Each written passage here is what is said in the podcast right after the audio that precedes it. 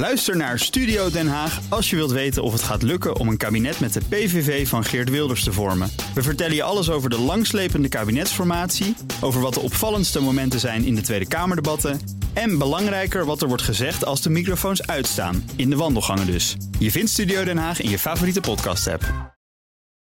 The Friday Move wordt mede mogelijk gemaakt door TUI. Discover your smile.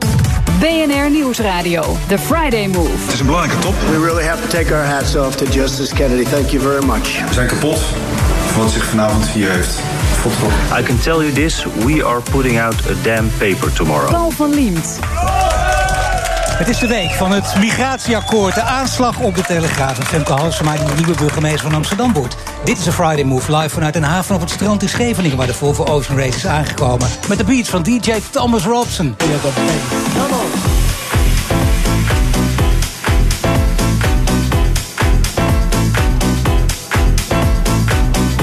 wil je eigenlijk de hele dag door gewoon hier wel horen. Hij noemde het zijn roeping om burgemeester van Amsterdam te worden. Hij solliciteerde er openlijk naar, maar Femke Halsema gaat er met de baan vandoor. Wat vindt Rob Oudkerk ervan? De voormalige wethouder is het half zeven mijn co-host. Je bent er echt erop. Ah, kom op, zeg eens iets. Hij is er. Een historische overwinning voor Caroline Brouwer. Ze werd met haar team de eerste vrouwelijke winnaar van de zwaarste oceaanrace ter wereld. Ze schuift zo aan. En wat brengt de toekomst voor Den Haag met Richard de Mos als kapitein aan het roer?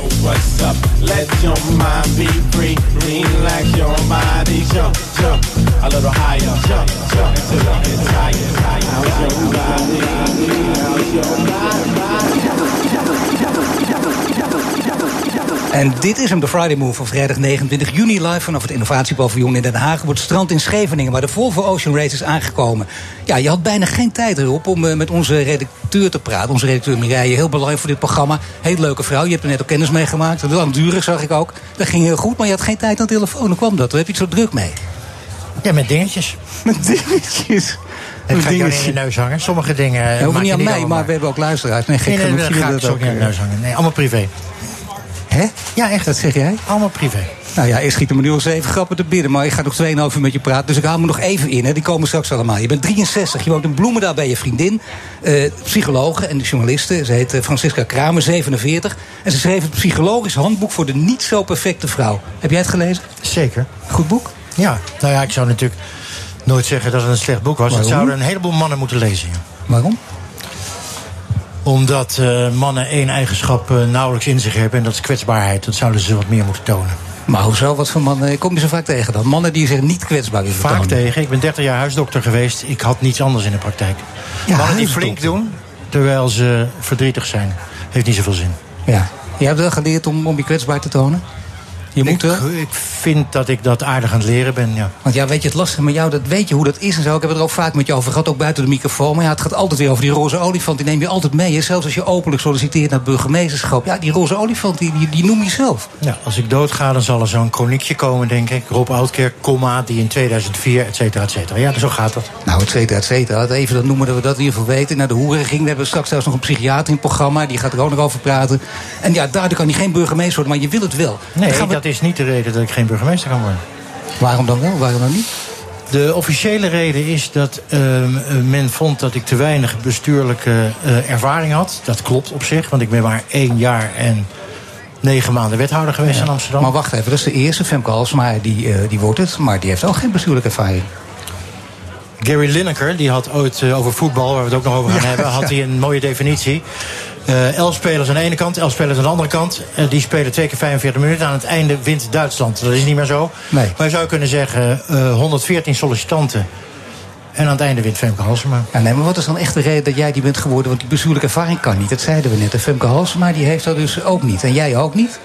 Zij is een vrouw, jij bent een man. Ja, maar dat moet je aan de vertrouwenscommissie vragen en aan de commissaris van de Koning. Maar je hebt zelf wel, dat is echt belangrijk om te zeggen. hè, Dat is, nee, ik zou hem het liefst zeggen, ik wil het laatste kwartier, dan moet je weg. Dat zeg ik er nu vast bij. Dan gaan we nog eens heel leuk, van het laatste kwartier ook nog als jij weg bent.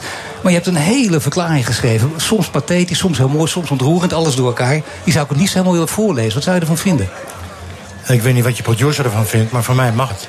Maar goed, hij een heeft al in de krant gestaan, dat is zonde. Maar goed. Ja, maar het is toch heel anders als je hem voordraagt. Kom maar. Het is mij niet gelukt mijn gezin bij elkaar te houden. Ik was niet trouw. Nu wil ik trouw zijn aan mijn nieuwe geliefde. Niet alleen omdat ik nu weet wat de kosten zijn van ontrouw... maar vooral wat de baten zijn van trouw. En ik heb toch een kosten-baatanalyse. Ja, maar die zouden meer mensen moeten maken in een relatie. Ja. Dat heeft niks met financiën te maken. Maar dat is, je moet inderdaad kosten-baatanalyses maken. Dus even, je geeft nou een paar tips. Hè. Mannen moeten zich kwetsbaar opstellen. Je moet En meer ze moeten meer kostenbaatanalyses kosten-baatanalyses maken. maken. En dan gewoon, dan zou ik zeggen, maar, Maar dat geldt niet, kant. geldt, geldt niet alleen voor mannen, geldt ook voor vrouwen. Hey, voordat we erover doorgaan, we zijn hier natuurlijk wel bij de, de Volvo Ocean Race. Een geweldig evenement. Hou je van zeilen? Ik ga over vier weken zeezeilen in Griekenland. Dus je kan wel zeggen dat ik van zeilen. Wow, man. En met wie ga je dat doen? Met mijn vriendin en haar twee kinderen. En, oh, en gaat het goed, ook met de kinderen? Eh, d- je bedoelt dat zeilen, dat mag ik hopen. Ja, dat mag ik hopen. Maar de Volvo Ocean Race, vind je die ook mooi of niet? Die vind ik ook mooi. Ik vind het wel, we gaan er straks nog over praten natuurlijk. Ik vind het onvoorstelbaar, die risico's die mensen nemen, die daaraan meedoen. Ik vind het ook ongelooflijk dat je dat negen maanden achter elkaar doet. We hebben natuurlijk wel een fantastische winnaar. Res. Ja. Winnares in Amsterdam heb je ook, eh, namelijk eh, Femke Halsema. Eh, Vind je haar een goede burgemeester? Ze heeft het in zich om een goede burgemeester te worden. Ze heeft inderdaad geen eh, politieke ervaring als het gaat om besturen. Klopt. Nee. Eh, dat kan je leren. Ja, dat kun je leren. Eh, maar hoe geliefd is ze? Weet je nog die, die actie Houd Halsema uit de stopera? Meer dan 7300 mensen hebben die petitie ondertekend. Ja, maar zal ik dat nou eens nuanceren? Toen Nou, graag, Ed van Tijn, voor, voor toen Ed van Tijn werd benoemd, toen vond niemand Ed van Tijn geschikt. Toen Job Nee. Cohen werd genoemd, benoemd, vond niemand hem geschikt. Toen Schelter Partijn, dat weet ik nog heel goed, die kwam uit Den Haag. Ja. De aristocraat, de deftige meneer, is geen geschikte burgemeester van Amsterdam. Nee. Na een half jaar was hij verschrikkelijk geliefd. Eberhard van der Laan. Iedereen kan het dus hè, eigenlijk. nu op, nou, het verbaast me dat je niet gesolliciteerd hebt. Wie, ik? Ja. Nee, maar god zeg, nee, maar dat, eh, dat moet Je echt niet aan denken. je woont er Dat toch? is, eh, Waarom zou je het niet kunnen? Waarom zou zou, het kunnen, waarom maar zou ik jij zou nou geen burgervader kunnen? Lijkt me niet leuk. Dan moet je gewoon eh, alle mensen gaan verbinden. Dan moet je op al die lintjes opknippen en zo. Dan moet je overal eh, diplomatiek zijn. Dan mag je niks doen eh, wat jij wel eens doet. Gekke dingen.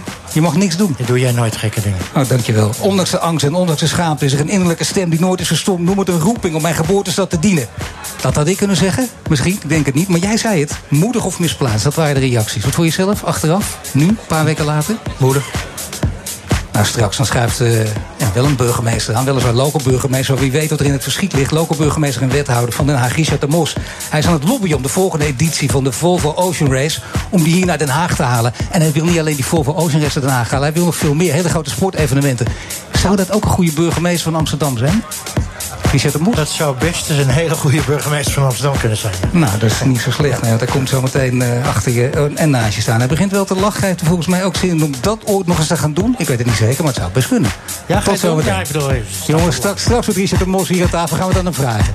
Tot zo.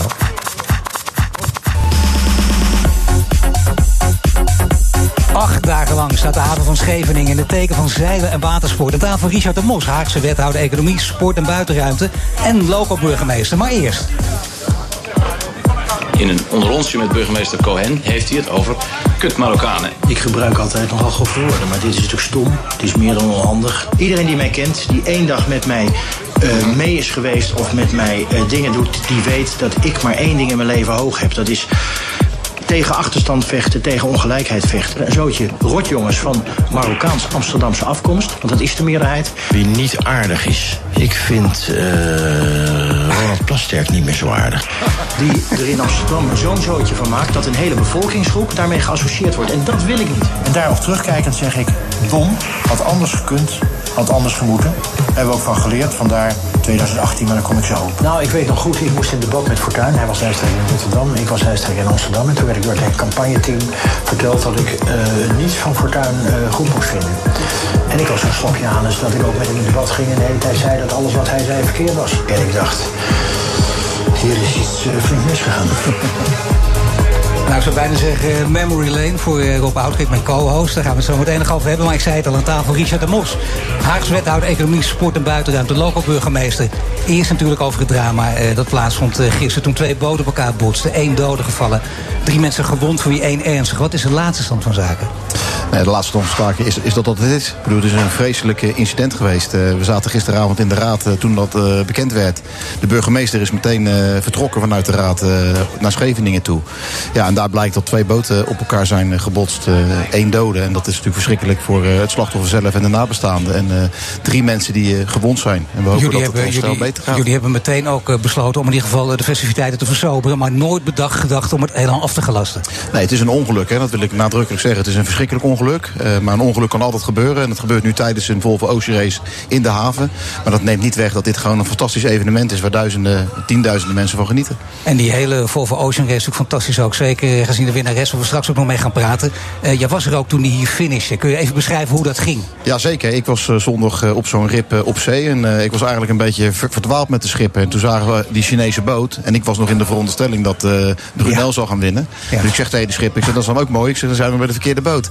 maar even later kwam daar die helikopter. En toen zei de schipper, nou meneer de Mos, dat zit allemaal wel snor. We zijn bij de winnaar. En ja, toen kwam eigenlijk zo'n beetje alles wat kon varen. Dat, dat voer mee met, met de winnende boot. En dat is echt een fantastische happening. Maar die aankomst hier in Den Haag in Scheveningen, niet alleen een fantastische happening, maar ook financieel heel goed voor jullie. Wat levert het op? Nou, tussen de 12 en de, en de 15 miljoen is de spin-off. Mensen komen hier natuurlijk uh, hopelijk een paar dagen slapen. Maar mag je even een leuk bedrag ook natuurlijk, hè? Maar kun je dat ergens terugzien? Dat, dat, hoe, dat, hoe dat in elkaar ja, zit, waar wordt, het vandaan haalt? Dat wordt gemonitord en, en, en onderzocht. En wij hebben daar analyses op losgelaten. We hebben 3 miljoen uh, ge geïnvesteerd. Gemonitord, onderzocht, analyses op losgelaten. Uitkijken. Moet je het dan geloven of niet? Of ben je dan geneigd om steeds achterdochter te blijven? Uh, Richard moet even uitkijken dat hij niet te veel politieke termen gaat gebruiken. Je verdient er gewoon een lekkere klap mee. Zo, Punt. zo is dat. Nou, bedankt Rob. Dat is uh, de ervaring voor Rob die we hier hebben. Maar het is in ieder geval, als hier tienduizenden mensen kopen, is, komen, is het evident. En dat kan je uitrekenen. Uh, het is 400.000 mensen die hier verwacht worden deze week. Maar ja. 7 gedeeld door 12, maar 17 maal 24. Nou, ja, nee, precies. Nee, het zit ongeveer. Dan hebben jullie hele grote plannen. Alle steden willen dat. Hè. De Vuelta, de Giro, de Tour de France organiseren. Zeker. Wil je dat in Den Haag ook? Ja, het zal fantastisch zijn. Dat zijn we nu aan het onderzoeken. Ik ben natuurlijk cashvers sportwethouder. En er worden ook ambities bij. Leuk, ja, en hoe gaaf zou het zijn om in onze mooie stad een, een grote wielerronde binnen te halen. We zijn een beetje ambtenarenstad geweest in het verleden. En ja. we gaan steeds groter denken. Want we zijn gewoon de mooiste stad van Nederland. En daar horen ook hele mooie evenementen bij. Ja, ik zie Rob een beetje gek kijken. De mooiste stad van Nederland, Den Haag. Ja, hij speelt uit, hè, dus hij moet oppassen wat hij zegt. Maar hij durft alles te zeggen. Tenminste, nog steeds gewoon. Je durft nog steeds alles te zeggen, toch op? Ja, Amsterdam is de mooiste stad van Nederland. Maar ik geef toe, het is wel minder leuk aan het worden in Amsterdam. Dus we moeten wel uitkijken. Zo is dat. Waarvoor moeten we uitkijken? Ik vind dat Amsterdam behoorlijk aan het verloederen is in de binnenstad. Ik vind het uh, niet meer leuk. En dat zeg ik als inwoner die daar 62 jaar gewoond heeft. Nee, ik vind het gewoon niet meer leuk. Omdat jij zelf uit de binnenstad verhuisd bent, is het nee, niet Nee, is dat niet zou ik leuk. ook zeggen als ik er nog zou wonen. Want ik heb er tot vorig jaar gewoond. Ik vind het te druk. Ik vind het onaangenaam. Ik vind het ja. uh, smoezelig. Zo. Vies. Ja, nou, er zijn ook mensen die zeggen dat is een beetje, beetje geschuur van oude mannen. Smoezelig, vies, druk, nou, schijtig uit, man. Ik ben er eerst. Gezellige drukte, er, veel nee, mensen. Hou niet van mensen. Ik hou enorm van mensen. Maar ik hou niet van die enorme drukte. Het is een beetje Barcelona van 15 jaar geleden. Wat vind je hier nou? Moet je kijken hier op het strand. Al die mensen, hou je ook niet van. Je hou dacht, daar moet ik helemaal doorheen. Heel veel van. Was het de reden om eigenlijk niet hier te komen? Of juist wel? Nee, nee, nee, daar gaat het niet om. Je, je, je, je woont zelf ook in Amsterdam. Je weet dat het soms buitengewoon onaangenaam kan zijn. In het verkeer, met mensen, met fietsers. En ik vind dat wij een beetje lullig tegen elkaar doen in Amsterdam. Ik vind het niet meer zo'n leuke stad. Lullig ook nog tegen elkaar doen? Ja. Maar hoe zou dat? Nou, heb je wel eens gezien hoe mensen in het verkeer elkaar uh, benaderen? Het is maar goed dat wij ja. geen uh, jachtvergunning uh, en geen... Ja, maar hou goed man. Als wij dubbeloops jachtgeweren zouden verkopen aan het Rokin... werd half anders dan platgeschoten. Als ik één foutje maak met mijn fiets... of als ik één foutje maak met mijn auto... dan uh, moet ik echt de raampjes ja, moet dan scherp zijn ook. Hè? En uh, al die problemen heb je niet in Den Nee, Haag? hier in Den Haag is het superleuk. Niet, Mensen zijn super gezellig naar elkaar, super gastvrij, super vriendelijk. En het is altijd lachen, gieren, brullen hier. Maar dat was lekker natuurlijk, hè, toen je zelf uh, met je groep de Mos ja, er tegen in kon gaan. Nog niet de macht dat. Nu zit je op het plusje. Wethouder, local burgemeester. Jawel, maar Voelt het ook meteen anders of niet? Ik voel wel de verantwoordelijkheid om nu te laten zien... dat uh, alle mooie woorden die we hebben geuit uh, ook werkelijkheid gaan maken. Maar ik bedoel ook letterlijk uh, dat je diplomatieker moet zijn bijvoorbeeld. Nee, dat je anders benaderd wordt door mensen. Nou, misschien. Maar ik, ik blijf gewoon Richard hoor. En ik ben wethouder. En mensen moeten mij gewoon lekker blijven vernaderen hoe ik was. En ik blijf ook gewoon praten hoe ik maar ben. er zit hier een ervaringsdeskundige, ook op dat gebied al. Daar weet hij ook alles van. Hoe is Ja. het om wethouder te zijn? Om opeens die stap te maken. Want jij bent gaan zweven, zeg je altijd in die tijd. Je dacht dat ik, vond het, ik, ik vond het een behoorlijk lastige baan. En Ja. ik had inderdaad last van het feit dat eh, iedereen dan tegen je gaat zeggen... goh, je bent wethouder, goh, dat doe je goed. En dan, dan- op een gegeven moment ga je s'avonds in de spiegel kijken. Raad ik je niet aan om Nee, te doen. nee, dat zou ik zeker niet doen, Nou, nee. Nou, nou, nou, wat best- een belediging. Nee, dat nee, nee, nee, nee, nee. Oh, nee, ik dacht Ah, even dat je... Nee, nee, goed. Nee, dan, dan ga je in de spiegel kijken en denk je... god, wat iedereen zegt, dat zal nog wel zo waar zijn ook. Het is een enorme verantwoordelijkheid. Ja, maar daar moet je ook om je heen mensen zoeken die, die gewoon eh, je scherp houden. En gewoon zeggen, joh, vrolijke vriend, blijf je huis uit met eh, twee voeten op. Ja, maar dat vind ik wel eens een leuk verhaal. Dat zeggen macht hebben ze altijd. Hè? Maar dan, eh, wie zijn het dan die mensen? En wie, durft dat dan? Nou, ik Want dan ga even, je zoiets zeggen. Dan denk je, nou, weet je, die, is te kritisch. Gooit nee, nee, absoluut niet. Hoe, hoe, hoe kritischer mensen zijn, hoe aardiger ik ze, ik ze vaak vind. Ik hou daarvan. En we hebben het hart op de tong hier in Den Haag. En ik hou van mensen die dat hebben. En die gewoon tegen mij zeggen, joh, dat heb je top gedaan. Maar dat was helemaal waardeloos. En die kunnen je dan ook sturen. Wat is nou echt een, een belofte die je bent nagekomen? Hè? Want je zegt, dat wil ik. Ik heb heel veel beloofd, heb je gedaan. En heel veel mensen vonden het ook fantastisch. Die, die geloven daarin. Je had bijna zelfs negen zetels. Een paar stemmen na. Wat is de eerste belofte die je nu al bent nagekomen? Nou, ik heb beloofd dat eh, een stem op onze partij een stem op bestuursverantwoordelijkheid is. En eh, je hebt heel veel partijen, ook hier in Den Haag, die alleen maar roepen en nooit gaan besturen. En ik heb gezegd, als jullie mij de grootste maken, dan ga ik besturen. En dan ga ik ook zorgen dat er een college komt. Nou, dankzij Hans Wiegel en Edith Schippers is er nu ook een college en gaan we ook eh, besturen. En in heel goed Nederlands heet het ook dat je hands-on bent. Hè? Mensen zeggen vaak, het is een soort ombudspolitiek die je bedrijft. Dat betekent, iemand die stuurt je een mailtje. Morgen krijg je meteen bericht. Nou, morgen is Maar heel erg goed compliment, maar ze krijgen zeker bericht. En dat is gewoon eh, met je poten in de, in de wijken staan en eh, die wijken afstropen. Niet alleen naar klachten, maar ook naar heel veel leuke ideeën. Hagenezen hebben heel veel leuke ideeën. En eh, die horen wij aan en die willen we dan omzetten in eh, beleid. Ja, en dat is wel interessant eigenlijk, Rob. Want eh, gewoon in de wijken komen, dat vind je ook belangrijk. Ook voor, voor de radio. Heb je ook al heel jarenlang gedaan. In de wijken ligt A, eh, het probleem, maar er ligt ook vaak de oplossing. Mensen die in wijken wonen, werken, daar bezig zijn, hebben vaak een veel beter begrip. En dat weet Richard veel beter dan ik nog. Of wat er werkelijk aan de hand is. Daar moet je zijn voor oplossingen. En daar moet je inderdaad dan beleidsondersteunend vanuit. Maar wat is er dan echt aan de hand? Wat is, noem eens iets. Waar hebben de mensen in de wijken dan vooral last van? Nou, op lokaal niveau zijn dat hele kleine dingen. Dat, kunnen, dat kan eh, eh, hondenpoep zijn, eh, eh, verkeersknelpunten. En wat gaat iemand dan een mailtje sturen en die zegt dan... eh, nou meneer de Mos, u bent Ja. local burgemeester... heeft mij beloofd, er liggen hondenpoepen op een stoep, weg ermee. Ja, ja dat, dat, dat, soort, dat soort kleine dingen gebeuren. Gewoon dat met gebeurt vergunningen, voor ondernemers, kleine ondernemers die tegen vergunningen aanlopen. En dat is zo mooi van lokale politiek, dat je kleine problemen ook heel snel kan oplossen. Nee, want daar geven ondernemers denk ik ook vaak terecht ook op af. Ja, dat gebeurt er niet en je hoort tijden niks en ze snappen ons niet. Eh, Kon je dat in je tijd waarmaken als wethouder? Als iemand klaagt om het meteen ook zelf op te lossen, kan toch niet? Ik vond dat ik dat niet goed genoeg kon waarmaken. Dus je hebt een enorm ambtenarenapparaat. En ik heb toen op een gegeven moment een Gideonsbende van ambtenaren opgericht. die de straat op moesten. Die inderdaad die problemen niet alleen moesten aanschouwen. maar ook gingen zeggen: dit gaan wij deze week oplossen. Maar kun je een voorbeeld geven wat je buiten de officiële richtlijnen gedaan hebt? Nou, eh, er, er moest een keer een voetbalveldje worden gemaakt in een wijk. Omdat die kinderen nooit buiten konden komen. Om het eenvoudige reden dat ze alleen maar een balkonnetje hadden en verder niks. Maar het voetbalveldje moest geloof ik 29 vergunningen hebben. Voor hekwerk, voor asfalt, voor weet ik veel wat er allemaal lag. Eh, wij hebben gewoon met een aantal ambtenaren. eh, ik geloof dat we bij de Gamma van alles gekocht hebben. hebben we daar een voetbalveldje gemaakt. Dat was tegen de regels in, maar het voetbalveldje was er wel. En wat gebeurt er dan? Krijg je dan later toch op je lazen van... hé, hey, ho, zo gaat het Ja, niet hier, hè? Zo gaat het niet hier, hè? Zo doen we dat hier niet. Nou, Richard, als dat gebeurt, dat ga je natuurlijk ook krijgen. Hè? Want je zit in college met ook anderen. Die denken D66, VVD. Denken, wacht, GroenLinks niet te vergeten. Zeker. Dan ga ik Richard de Mos even terugpakken. Nou, dat, eh, die, die eh, ambities eh, wederzijds niet. Ik bedoel, eh, je moet juist een college hebben met wederzijds vertrouwen.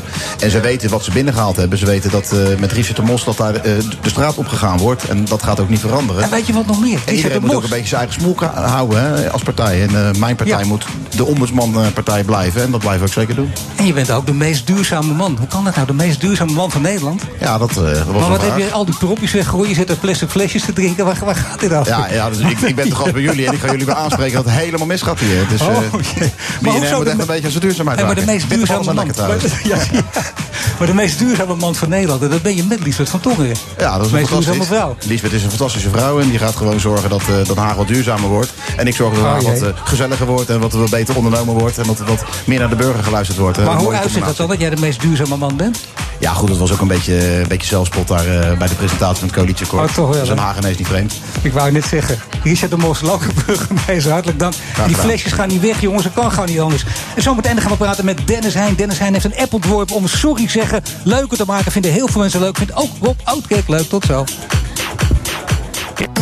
BNR Nieuwsradio. The Friday Move. Op zich is het goede nieuws eh, dat we tot een overeenstemming zijn gekomen vanavond. Om mevrouw F. Halsema aan te bevelen tot benoeming tot burgemeester van Amsterdam. Ik heb verder eigenlijk geen idee wat ik ervan denken moet. Paul van Liemt. Ja, straks dan ga ik praten met eh, Dennis Heijn. Ook met uh, Omar Moody. Eerst met Dennis Heijn. Hij is ondernemer en dan gaan we praten over zijn nieuwe app. Over de Fearless Monkey en over voetbal.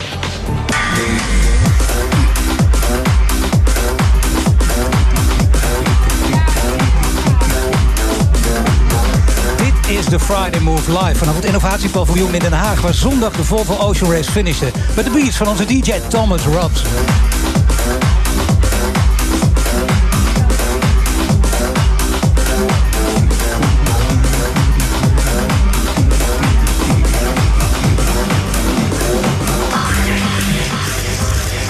En dit is een The Friday Move van vrijdag 29 juni. Rob Oudkerk is mijn co-host. Heb je een vragen aan een van onze gasten? Twitter dan vooral naar BNR Friday Move of Paul van Diemt. En we gaan praten met, zoals ik al zei, met straks met Oscar, ook oma Moenie. Maar eerst natuurlijk met Dennis Heijn. Dennis, want uh, je bent ondernemer en uh, je onderneemt. En dat betekent dat je af en toe iets bedenkt ook. En dat heb je gedaan, hè? Ja, klopt.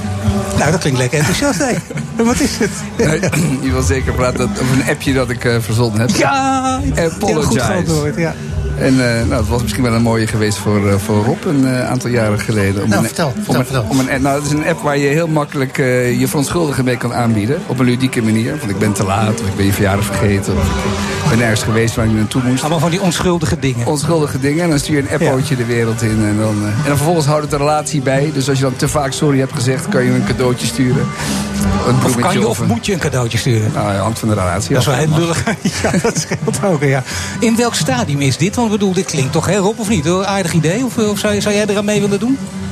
Het, ja, maar je moet er eerst iets meer van vertellen. Ik, moet, ik ga niet meteen ja of nee zeggen. Oh, ja. Nee, het, het is gewoon de, de start is gewoon ludiek. Gewoon ja. dat je heel makkelijk even met je duim een, appje kan sturen van... Uh, of een appootje, zoals we het dan noemen.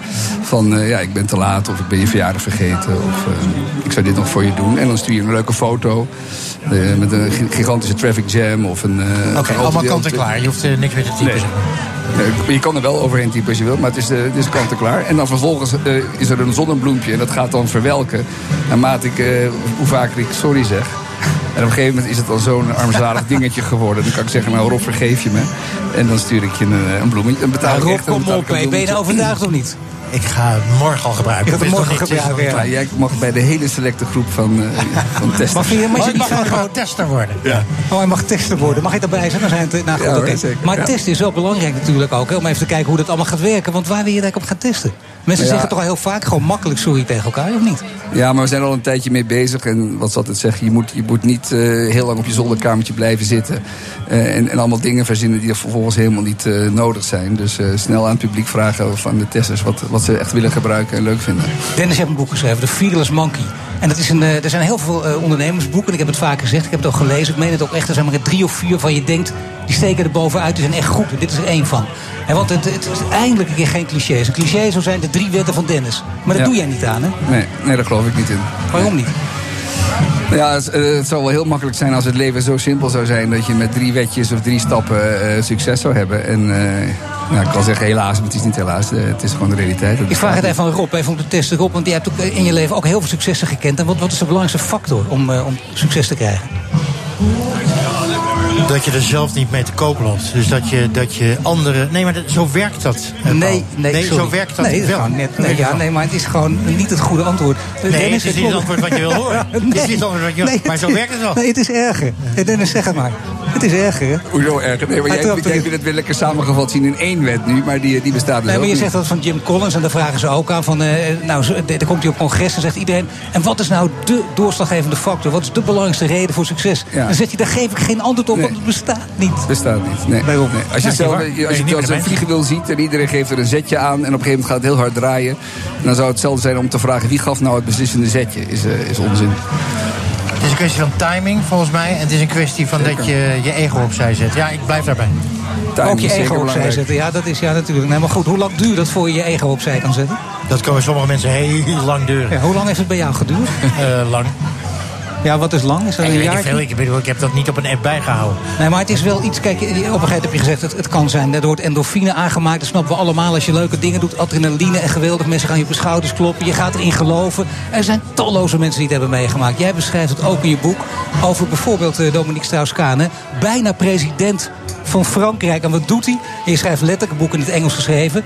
Je schrijft letterlijk ja, voor een quickie with a chambermaid. Zet hij echt alles opzij. Bijna een ja. koninkrijk opzij. Hoe kan ja, dat? Nou ja, dat is het verschil tussen common sense en common practice. Heel veel dingen dat je denkt, ja, logisch, dat doe je niet. Of dat doe je wel, dat is common sense. Maar ja, is het ook common practice? Zoals elke roker weet donders goed dat hij niet moet roken. Maar uh, het is toch moeilijk om daar, om daar vanaf te komen. Dus en dit ook, Dominique Straatskamp weet ik ook, wist ik ook wel dat het niet handig was om te doen. Maar ja, hij deed het toch. Maar goed, dat is een goed voorbeeld. Heb jij natuurlijk ook op een bepaalde manier naar gekeken. Naar die Strauss-Kaan. Wat vond je daarvan, Rob? Nou, ik vond het een beetje misselijkmakend dat dat eh, in de publiciteit kwam. Hoewel het natuurlijk wel een machtsverhouding was. Dus daar moet je wel... daar gaat het nou net om. Nee, dat weet ik niet. Dat weet ik, niet. Kijk, ik, al deze mensen die hier rondlopen hier vandaag. Ik kijk even, ja, zeker. Kijk even. Ja, die, je moet er dadelijk nog doorheen als je weggaat. Ja. en beste Paul, heeft een vlekje. En sommigen hebben grote vlekken. Alleen van mij Ik- weet je het. Ja, maar van heel andere mensen niet. Nee, maar zo werkt dat. Zo werkt dat. En ik vind het... Moet je nou kijken, heb je de story gelezen over Alexander Pechtold? Moet je eens even doen. Dat verhaal wat erin staat is te walgelijk voor woorden. Wij zijn een normloos volkje geworden. van hem. Nee, een normloos volkje geworden die alles en iedereen, wat allemaal privé is, hup, dat moet allemaal aan de grote klok worden gegaan. Houd er nou eens mee op, jongen. We zijn allemaal, eh inderdaad, good practice of bad practice. We zijn allemaal praktiserend. Nou, maar dit gaat toch over publieke functies. In het geval van, van Pechtold ging het toch ook over... eh, Kom op, hé, dat, gaat over, dat ging tot Europa door zelfs om hem erop Weet te je waar wijzen het in dat de story over gaat? Het gaat Nee? over de abortus van zijn vriendin. Ja, ik vind het misselijk niet maken. gelezen. Misselijk Oh, maken. Niet gelezen. Wat vind jij ervan, Dennis? Dat heb ik ook niet gelezen. En, eh, ja. Nou, jij hebt ook iets in je leven meegemaakt. Echt iets heel groots. Hè? Dat dan, eh, dan komt het toch anders aan. Waar ook heel veel publiciteit mee te maken heeft. Jouw vader Gerrit-Jan Heijn. eh, vermoord, letterlijk ook. Hè? Eerst ontvoerd en daarna vermoord. En Mhm. dat eh, zag jij voortdurend. Toen was je, hoe oud was je toen? Midden 20. 24, ja. toen zag je dat voortdurend ook voorbij komen in de publiciteit. Ja. En wat, wat betekent dat voor jou? Heeft het grote consequenties gehad? Nou, die publiciteit op zich eh, niet zo. Ja, het, is, het is heel onwerkelijk. Aan de ene kant eh, is het heel intiem. Aan de andere kant kijk je naar de televisie bijna zoals anderen. Je ziet het inderdaad elke dag voorbij komen. Maar de publiciteit in ons geval was niet, niet heel erg vervelend. Maar voor jou heeft het volgens mij wel grote gevolgen gehad. Ik bedoel, je bent naar het buitenland toe gegaan. Je wilde daar toch niet voortdurend mee geconfronteerd worden? Begrijp ik uit alle verhalen die ik over jou lees. Nou ja, het buitenland is, is handig om even wat anoniemer te leven. Niet, niet de confrontatie op zich met de ontvoering, was, eh, die, die ontweek ik niet. Maar het is, eh, ja, ik heb 19 jaar in het buitenland gewoond en dat is eh, in dat opzicht relaxed. Ja. Maar aan dat op zich relaxed. Waar heb je gewoond? In Argentinië? In Israël? Twee keer Italië, Argentinië, Israël, Hongkong. Maar was het een soort vlucht? Nee. Nee, Maar- maar waar- want je zei ik, wou, was- ik wou altijd, toen- hij nog leed, ik, ik, ik, ik heb gestudeerd in Spanje en ik wilde echt in het buitenland werken. Ik wou die ervaring mee. Dat had je sowieso gedaan dus. Dat had ik sowieso gedaan. Maar later besefte ik dat het inderdaad ook wel handig was om even niet eh, het zoontje te zijn van. Nou is er nog iets gebeurd. Namelijk, eh Rob Oudkerk hier, de roze olifant hebben we het erover gehad. En je zegt, jij schrijft veel over het buitenland. Je vergelijkt dat met, je kunt ook met bijna de blik van een antropoloog naar Nederland kijken. En dan denk je, eh, hoe zou er in het buitenland gereageerd zijn op wat Rob Oudkerk gedaan had? Zou er over 10 jaar, 15 jaar nog over gesproken worden? Of zou je daar juist zeggen, we gaan wat anders over tot de orde van de dag? Ja, het ligt eraan aan welk, eh, aan welk buitenland. Maar ja, ik, ik ben nog goed in de tijd van, van, van Clinton en Lewinsky. Nou, daar moeten de Fransen enorm hard om gelachen eh, hebben. Dat kan niet anders. Waar, ging het over? Een zogenaamde machtigste man van de wereld werd dan klein gemaakt om... om ja, eh, Maar goed, prostitutiebezoek eh, aan de Theemsweg natuurlijk, hè, bij de minst onder ons. Dat is toch een ander verhaal? Nou ja, goed, ik ben, volgens mij is het ook echt wel klaar nu. Ik, eh, waar moeten we het erover hebben? Zou je wel moeten zeggen, hij, stelde, hij kan het natuurlijk wel. Zo Bill Clinton eh, in alles. eh, gewoon charismatisch. Dus je zou in die zin burgemeester kunnen worden. Had jij daar problemen mee gehad of niet? Nee. En wat vind je dan van al die mensen die daar steeds weer over beginnen? Nou, vind ik makkelijk. En, wie, ja, en, en het grootste gedeelte doet het ook nog eens anoniem. Daar word ik ook heel moe van, van die social media en, en, en de grootste schreeuwers. En volgens mij als iemand tegenover je staat, dan, eh, dan, dan gaat het alweer heel anders. Nou is er nog iets, eh, namelijk eh, voetbal. Vind je hartstikke leuk. WK voetbal vind je ook mooi. Je bent bijna, dat staat zelfs in je eigen boek, schrijf je ook op. Dat doen mensen bijna nooit. Hè? Ik ben bijna commercieel directeur van Ajax geworden. Nou Rob, wat, wat wij bijna zijn geworden, dan kun je dikke boeken schrijven. Maar goed, maar, nee, maar een hele dikke boek. Maar jij bent bijna commercieel directeur van Ajax. ja. Maar het komt ook omdat je heel goed bevriend was... en misschien nog wel bent met Marco van Basten. Ja, klopt. Ja, doe nou niet zo vaag, man. Vertel Ja, nee, er eens dat wat meer over. Nee, nee, ik eh, heb eh, toen de eerste keer toen ik in Italië woonde. Toen hebben we elkaar een keer ontmoet op het vliegveld. En vanaf dat moment zijn we vrienden geworden. En zat ik regelmatig in San Siro. En heb, je elkaar heel ook, vaak gezien. en heb je ook op niveau, met, want hij weet alles van voetbal. Een van de beste voetballers ter wereld geweest. Kon je met hem ook, jijzelf, op niveau met hem over voetbal praten? Absoluut. Nou, leg even uit dan hoe het een beetje nu aan toe gaat. Wat is het beste land? Nou, ik denk, ik, nou dat weet ik niet, maar dat hij nu in de FIFA zit en, en over, over de toekomst van voetbal moet nadenken, ik denk dat het echt zijn pakje aan is. Dat vindt hij eh, heel belangrijk. Dat zei hij jaren geleden al. Hoe houden we voetbal eh, al die jaren daar een, eh, of ik daar nog interessant. De VAR vindt hij fantastisch nu al. Ja, dus het is toch ook fantastisch. Ik vind het echt hartstikke eh, goed om te zien. Zoals Enorme de- verbetering. Ja. Eindelijk niet dat gezeik van die verkeerde beslissingen. Zijn er geen zwalbers meer. Nou, Ja, zoals met Hawkeye in tennis is ken ik ook veel. Het is alleen maar leuker geworden. Nou ja, het is niet een beetje jammer ook eigenlijk. Ik bedoel, eh, dat gezeik hoort toch bij voetbal. Opportunisme hoort juist bij voetbal. Dat is nou net die andere kant waar we het Ja, toch maar niet, niet gezeik over iets wat je heel duidelijk gezien hebt wat niet zo is. Dat is gezeik, vind ik, vind ik geen leuk gezeik. Oké, wie gaat eh, wereldkampioen worden? Want dat weet je dan toch wel een beetje. Het is wel lastig natuurlijk. Maar toch, ik zou zeggen Spanje. Kroatië. Ja, Kroatië is de outsider. Maar het is altijd een groot land dat wint. Uiteindelijk dan toch Brazilië. Waarschijnlijk of niet? Ik denk ook Kroatië hoor.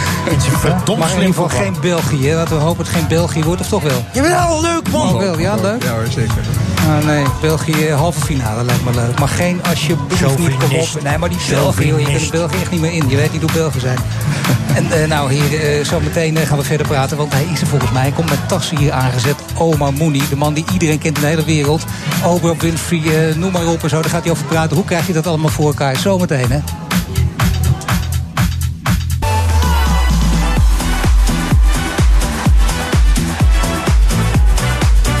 Omar die heeft een haat-liefdeverhouding met de zee. Als negenjarige bootvluchteling moest hij de zee trotseren... maar tegenwoordig maakt hij tassen om diezelfde zee op te schonen.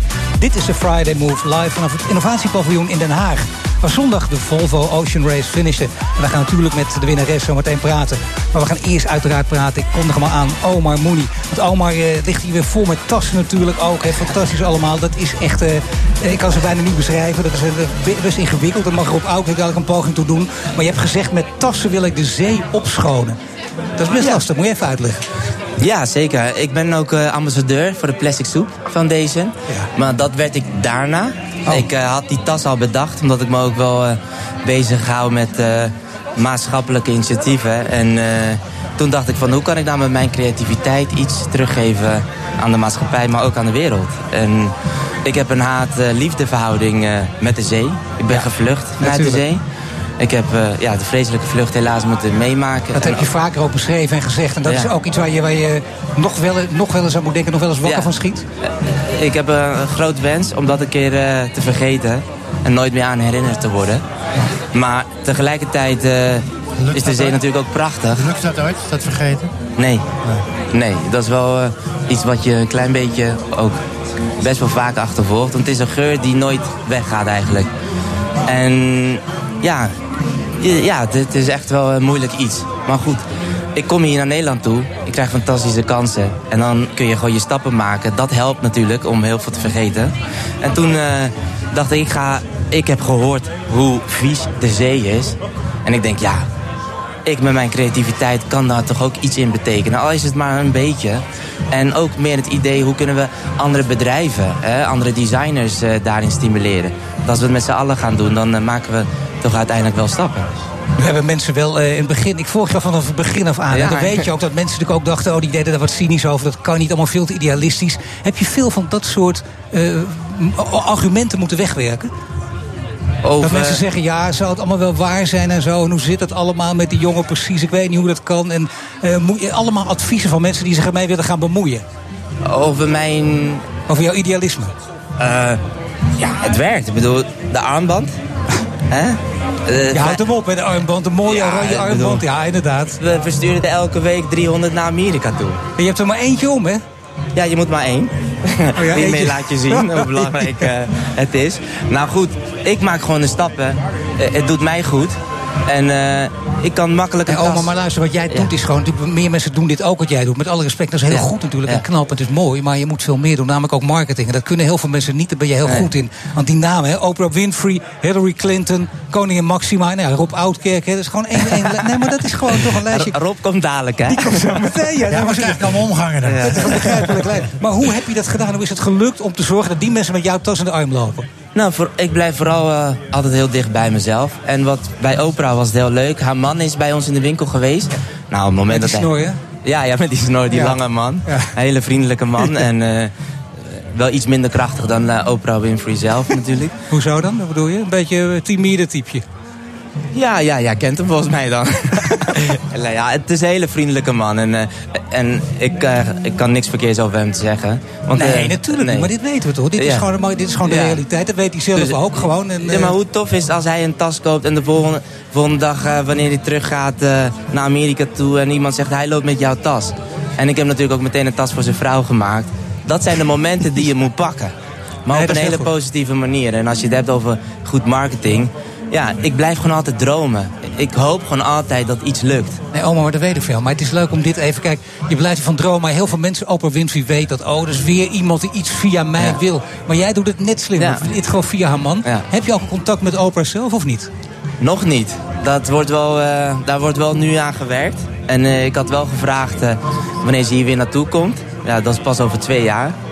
Maar ja, moet het door. Nou, misschien aardig om iets te vertellen dan over Hillary Clinton. Want het is met haar... Hoe, ging, hoe is ja, dat contact met Hillary? Clinton was een paar jaar geleden was hier een, eh, een Den Haag top. En toen werd ze uitgenodigd. Oh ja, nou, dat is ook alweer, eh gaat richting de zeven of acht jaar volgens mij. Dat was toen met Frits Hoefnagel. dat ja. was toen de wethouder hier. Ja, en die is natuurlijk creatief genoeg om mij te vragen van maak een tas. Want eh, Hillary Clinton komt hier naartoe, ja. Pak je dat moment. Alleen had ik veel te, veel te weinig geld gevraagd voor die tas. Maar dat leer je ook weer. met- Hoeveel heb je gevraagd? 25 euro. Oh, sukkel. Dat heb ik over voor de gemeente Den Haag. Dat is ja, dat is wel- Nee, ja. maar nou, jullie lachen wel. Maar kijk Oh, hoeveel aandacht... Nee, niet meer lachen. Nee, Rob, hou eens op met Maar lachen, man. Dat mag. Oké, ja. Maar weet je hoeveel aandacht ik ervoor terug heb gekregen? Nee. Nou, al- al had ik eh, 20.000 euro eh, voor had gekregen, had ik liever de aandacht. Maar man, weet je, Bill Clinton die komt hier een speech houden ergens in Friesland. Vraagt hij 400.000 euro. It, had voor die tas 800.000 euro kunnen vragen. Ga ik over nadenken. Ja, maar ik denk die marketingwaarde die, die, Ja, die is inderdaad die is heel heel hoog. Gewoon, daar gaat het ook om. Maar ik nou, heb hoewel ook geen nog steeds haast. trouwens eh, ook eh, na die verkiezingsnederlaag, nog steeds. Ja, ik vind dat wel jammer. Ik had haar het wel gegund. Eh, Lopen er ook republikeinse vrouwen met jouw tas of niet? Nee, nee, nee, laat maar een hele flauwe. hey, koningin Maxima, even, want we hebben nu toch het lijstje. Hoe is het gelukt om koningin Maxima? Want dat zijn toch verhalen, je doet dat steeds Ja, slim. Hoe heb je dat Ja, gedaan? dat is heel tof. Ik heb ooit eh, een tas gemaakt van de oude KLM-uniforms. Eh, voor, ja, voor KLM. Die Ja. had mij dat gevraagd, een ontzettende eer. Ja. En ik heb die tas gemaakt en ze waren er zo blij mee. En Peter Hartman had zelf die tas naar de koningin gestuurd. Peter Hartman, Ja, de grote man van. Ja, de grote man De van KLM. De KLM, ja, dat was heel tof. En ja, weet je, ineens krijg ik een brief. eh, ja, ook eh, namens, ook voor mij, van de koningin. Ik denk, oh, dat werkt zo. En dat was, Heb je eh, daar dan ook foto's van? Of veel materiaal? Want dat is ja, natuurlijk wel handig. Ik heb, ik heb hem mooi ingelijst. Ja? Binnenkort te zien in mijn winkel. Ja, kijk. Ja. Nou is het wel goed om te weten dat jij, eh, ik kijk ook in je ogen, want daar gaat het ook in deze uitzending over, over zweven. Ja. Je hebt succes, het gaat goed, mensen kloppen je op de schouder. Oh, maar fantastisch, top, top, top. Hoe eh, druk je dat weg? Vindt Rob ook interessant om te weten. Klopt toch op of Ja. niet? Ja, En hoe doe je dat? Oké, Ja. dankjewel Paul. Nee, maar dat is wat je hoort natuurlijk. Maar ik vind dat het minst eigenlijk eh, van mijn leven. Het- Mijn werk is niet mijn leven. Het is echt mijn werk. Ik ga hierna ook gelijk door naar mijn moeder. Ik ga gewoon rustig eten. En dan ga ik voetbal kijken. Dat Heeft je moeder dan. eigenlijk ook een tas voor jou? Eh, mijn moeder durft bijna niet een tas van mij te dragen. Waarom niet? Ze vindt het veel te duur. 25 euro? Nee, Oh, nee daar, daar nee. krijg je nu net een armband voor. nee. Nee, dat is iets prijzig. Wat kosten ze nu een beetje, die tassen van jou? Eh, van 2 tot 1200 euro zo'n beetje. 1200 euro al. Ja. ja. Nou, mooie designs. Maar dit, koop jij maar- er een voor je vriendin Nee, maar- of niet? Maar Je even- houdt van Kan ik, kan ik korting krijgen? Ik hou heel veel van. Kan ik korting krijgen? God, En je moet, niet te het is geloven. ook ben leuk om even... Ja. Wat? Wat zou ook dat nog? Oh man, je bent lekker Paul, bezig. even, er is ook leuk om aandacht te geven aan de Marhaba-tas. Ja, die Om ook de- zeker. om Nee, de- nu we toch, ja zeker. Om de De- vluchtelingen hier te verwelkomen. Dat is voor Wereldvluchtelingendag, letterlijk. Ja, het is voor Wereldvluchtelingendag heb ik die bedacht. En eh, het is gemaakt van spijkerstof. En dat is ook eigenlijk bedoeld naar bedrijven toe. Om ook even hun positiviteit eh, daaraan bij te dragen. Ja. Want iedereen verdient de kans die ik ook heb gekregen. Zou dat leuk zijn als, als de vriendin van Rob Oudkerk met die tas gaat lopen? Is Ja. het voor jou dan ook iets om in te lijsten? Weet niet, heb, heb je een vriendin? Ja, ik heb een vriendin. Leuke? Dat vind ik wel nogal, ja. Ja, dan, dan is die door de keuring heen. Ja. Dan gaat het door. En dan vraagt hij weer of je korting. Maar dat, Ja, dat- nee, nee, nee, nee. Dat doen we later wel. Maar er is nog iets. Kijk, ik vind het een beetje in dit gesprek toch tijd. hè, We kennen elkaar nu goed. Even tijd voor een primeur. Want je hebt een primeur hier in Den Haag. Ja, dat is wel een Ja, primeur waar ik zelf nog aan moet, eh, ja, aan moet wennen. Ik, eh, ja, ik mag... eh, eh, ja, mijn nieuwe pand wordt eh, naast het Paleis van Noordeinde. Zo. Dat is wel echt eh, een droom die uitkomt. Dat heb ik nooit kunnen bedenken. Maar heb je zoveel tassen verkocht inmiddels, dat dat gewoon kan? Ja, ik verkoop heel veel tassen. Ja. Ik verkoop heel veel Maar tassen. daar moet je denk ik heel veel tassen voor verkopen, toch? Of niet? Eh, ja, zeker. Maar ik verkoop ook veel tassen. Maar ik- eh, en het is voor mij niet... het is ook niet alleen dat we 100 tassen op een dag verkopen. Maar het is voor mij veel belangrijker dat Oma Muni overal te zien is. En dat is een ander soort manier van ondernemen. Kijk, je hebt natuurlijk de top eh, designers gehad. De O.J. Gulsens, de Ota Zoes, de Marlies Dekkers. zijn allemaal failliet. Ik ben niet zo'n ondernemer geweest. Ik heb altijd één winkel gehad. ze klimmen weer op, hè? Ja, dat is ook goed. Dat is ook Ja. de bedoeling. Dat moeten we ook van harte ondersteunen. Maar ik heb nooit met een bank gewerkt. Nooit met een investeren. Maar altijd geloven in die droom. En dicht bij jezelf. Daar krijg ik veel meer energie van. Want het is niet het doel. Het is die reis. En, eh, ja, Zit je ook niet verbaasd naar hem te kijken? Van, het is, het is echt, eh, het- hij is een heel succesvolle ondernemer. Hè? En je ziet gewoon, eh, ja, hij gaat straks naar zijn moeder. Ik vind het een prachtige man, klaar. Ongelooflijk hoe dit kan, hè? Het gewoon een prachtige man. Is dat zo? Ah, dat is Nee, maar klaar vind ik dan weer, dat vind ik dan weer zo'n raar. Oh, kom op, op. Je bent niet co-host. Niet, niet, niet om, om klaar, om nu al op te houden. Je mag een kwartiertje eerder weg. Dat heb je ook al voor elkaar gekregen. Je krijgt korte Ja, tassen, je- weet je wel. Je wil echt Paul, alles. Jij hebt ook geen Campari Nee, maar luister, maar luister. Campari Ja, hebben. Noem eens Campari. Hij moet een beetje, nee, hij dat moet een beetje, hij moet een beetje energie weer op. Hè? Nee, maar luister Paul. Ik bedoel, nee, zo iemand is oma. Het verhaal van gevlucht, zee, je hebt het gehoord, raakt hij nooit meer kwijt. En dan, en dan dit doen. En dan gewoon lekker naar je moeder. Ja, ik, ik Nou ja, dat maar iedereen ook, zo was. ook wat je zegt, nou ja, Ja. dat iedereen zo was. Nou ja, je bent wel gek op je werk. En dan zou je bijna denken, we gaan dadelijk ook straks praten met de Esther van Venema. Die is ook gek op de werk. Die kent ook violisten die gek zijn op hun werk. En die willen spelen. Als die niet drie uur per dag kunnen Ja. spelen, die heb je erbij, dan worden ze gek. Dat heb jij niet. Ja, ik word gek als het weekend wordt. Oh, toch? Dan ga ik, nee, dan ga ik twee weken niet naar mijn, nee, twee dagen niet naar mijn werk toe. En maandag heb ik zoveel zin. Maar ik stop ook op tijd. Ik stop altijd half zes. Langer gaan we niet door. Dus je krijgt hele, twee hele vervelende dagen nu. Ja, bijna wel. Maar met dit, met dit paard hier, echt de Volvo Ocean Race, echt te gek. Het, toffe is dat ik een half jaar geleden bij eh, Volvo was in Gothenburg. Uitgenodigd door de directie. Ik heb eh, mooie producten gemaakt voor Volvo. Toen zag ik dit dorp al gebouwd worden. Daar in kleine stukken. En dan nu staat het in Den Haag. Hoe trots. Oh, maar we zullen mijn dit stad. stukje vertaald gewoon even naar Oprah Winfrey sturen. Dat weet ik zeker. Als ze al niet overtuigd was dat het nu gewoon is na dit gesprek. Ik dank je hartelijk voor dit gesprek. En eh, goed aan je moeder. hè. Alright. We gaan straks in therapie met Rob Oudkerk en Esther van Venema. Na het reclame nieuws en de ANWB. BNR Nieuwsradio. The Friday Move. Het is een belangrijke top. We really have to take our hats off to Justice Kennedy. Thank you very much. We zijn kapot van wat zich vanavond hier heeft. I can tell you this, we are putting out a damn paper tomorrow. Paul van Liemt. En dit is de Friday Move live vanaf het innovatiepaviljoen in Den Haag op het strand in Scheveningen... waar de Volvo Ocean Race zondag finishte. Met de beats van onze DJ Thomas Robson.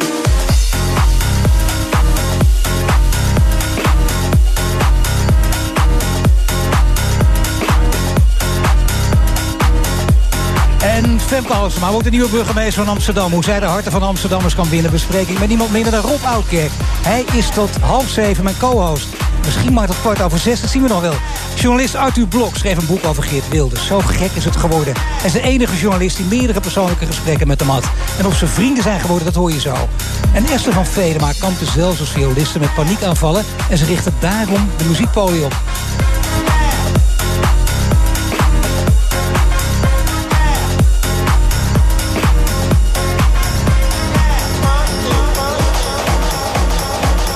En dit is de Friday Move van vrijdag 29 juni live vanaf het strand in Scheveningen... waar de Volvo Ocean Race afgelopen weekend finishte. Rob, ruim zes jaar was je lector leefstijlverandering... bij, bij jongeren aan de Haagse Hogeschool. Eh, je richt je op de leefstijl van jongeren in een omgeving... met een nadruk op interventies om overgewicht terug te dringen. Die jongeren moest je daartoe bewegen. Ben je daar zelf in het dagelijks leven ook voortdurend mee bezig? Daar was ik altijd te weinig mee bezig, maar nu ben ik eh, enorm aan het opletten. Ja. Ik wou net zeggen, je bent behoorlijk afgevallen. Dank u. Nee, het is toch zo? Ja, het er zijn kilo's zo. vanaf. Ja, het is meer dan 10 kilo vanaf. En zo hoort is daar de drijvende kracht? Je vriendin of heb je het zelf gedaan?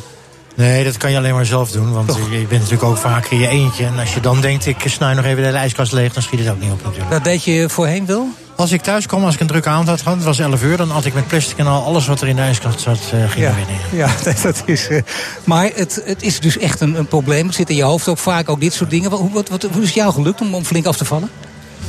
Eh, de- nou ja, dat is toch wel die intrinsieke motivatie. Dat je denkt, hé, hey, daar vallen een hoop mensen van mijn leeftijd opeens om. Weet je wel. Als jij dan bij de stand 5-2 lopen ze naar het net en dat was hun laatste loopje. Dat soort dingen wil je toch voorkomen. Je weet dat overgewicht rechtstreeks te maken heeft met hart- en vaatziektes. Rechtstreeks met diabetes, met Nee, kanker, maar met heel andere Nee, dat weten we allemaal. Ja. We weten alles, maar het gaat erom van hoe lukt het? Hoe lukt het om een knop om te draaien? Zodat je echt gewoon eh, op een heel andere manier gaat leven.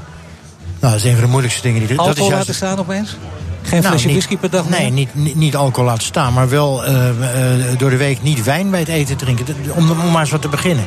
Dat is ook zo'n zo'n gewoonte die heel veel mensen hebben. Nou, even een glaasje wijn, nou, één glaasje wijn erbij. En dan nog een glaasje wijn en dan een kop koffie. Kan je, je bent laten. hier ook eh, steeds water gaan drinken, zie Ik ben hier steeds water uit het Of formale heb je voor de uitzending nog een paar Campari'tjes? Nee, nee, nee, ik drink geen Nee? Campari meer. Nee, Oh, drink je niet? Nee, vroeger wel, hè? Vroeger deed ik heel veel. Ja, nee. Het lectoraat, je hebt onderzocht hoe het zit dus bij de jonge kinderen met het overgewicht. En het is echt serieus een probleem. Want wat, wat, wat is eigenlijk het grote probleem? Het grote probleem is zogenaamd sedentair gedrag. Kijk naar jongeren tussen de 6 en de 12. Die zitten tussen de 4 à 8 uur of voor een beeldscherm of op de telefoon. sedentair- Sedentair gedrag. sedentair. Dat is dat je of voor je laptop zit, of met die telefoon of met een iPad in je Ja, handen. heerlijk toch? Ja, Wat is daar nou mis mee?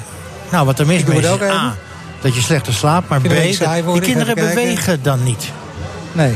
Nou ja, dat is Nou ja, maar je bent toch ondertussen, heb je wel wat leuks te doen. Even kijken, allemaal, kijk, allemaal berichten binnengekomen. Ja, hartstikke leuk. En dat doen die kinderen dus de hele dag. Ja. Dat is een van de problemen. Verder wordt er gewoon echt slecht gegeten. In de zin van dat mensen, ouders vaak geen idee hebben wat gezond is en wat niet. Hier, een voorbeeld is een glas jus. Hè, eh, sinaasappelsap. Daarvan denken ze, nou, dat is gezond. Dat is beter dan cola. In beide zitten gewoon 13 suikerklontjes. En het wordt ook heel vaak inderdaad onderschat dat het werkelijk zo is dat je er, eh, als je zo slecht leeft, dat je er ook jaren jonger, voor- jaren minder van leeft. 19 Dat je- jaar van je leven langer ziek. 19 jaar langer 19 ziek jaar sowieso. langer. Nou ja, goed, dat weet je allemaal. Ik zou bijna zeggen, is dat nou niet een veel grotere ambitie eigenlijk dan, dan, dan ja, iets voor de mensen willen doen? Dat kun je doen als burgemeester, maar dat kun je toch ook doen in deze positie? Of juist als tophuisarts en dan voor deze mensen die het eigenlijk niet weten? Ik vind dat nog steeds een prachtig vak, huisarts zijn. Daar ben ik mee gestopt. Maar eh, je weet nooit wat er nog gebeurt. Ja, dat kan je als huisarts. Dat kan je denk ik als wethouder in een stad. Als je wethouder zorg bent, kan je iets betekenen eh, voor dat soort dingen. Of wethouder jeugd. Dat kan je als burgemeester net zo goed. Er zijn heel veel burgemeesters in Nederland die er een sport van maken, letterlijk.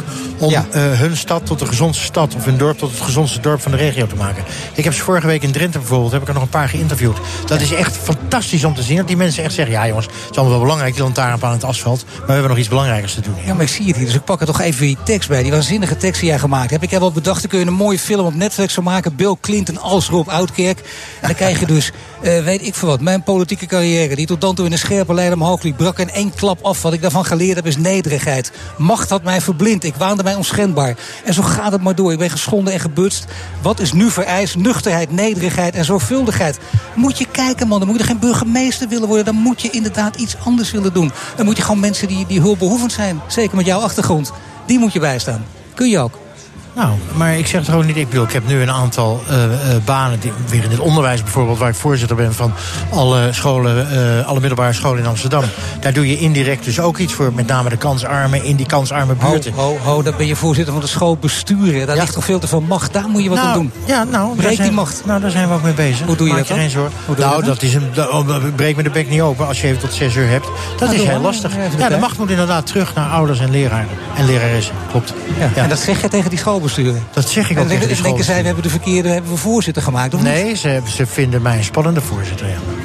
Ja, nee, dat, dat wisten ze natuurlijk. Ze kennen die geschiedenis. Maar ik bedoel, aan de andere kant, je wil toch ook... Nee, maar zij willen ook iets. En voor de duidelijkheid, zij zien ook wel dat die macht van al die besturen in zorginstellingen, onderwijs, nou, ik hoef het jou allemaal niet te vertellen.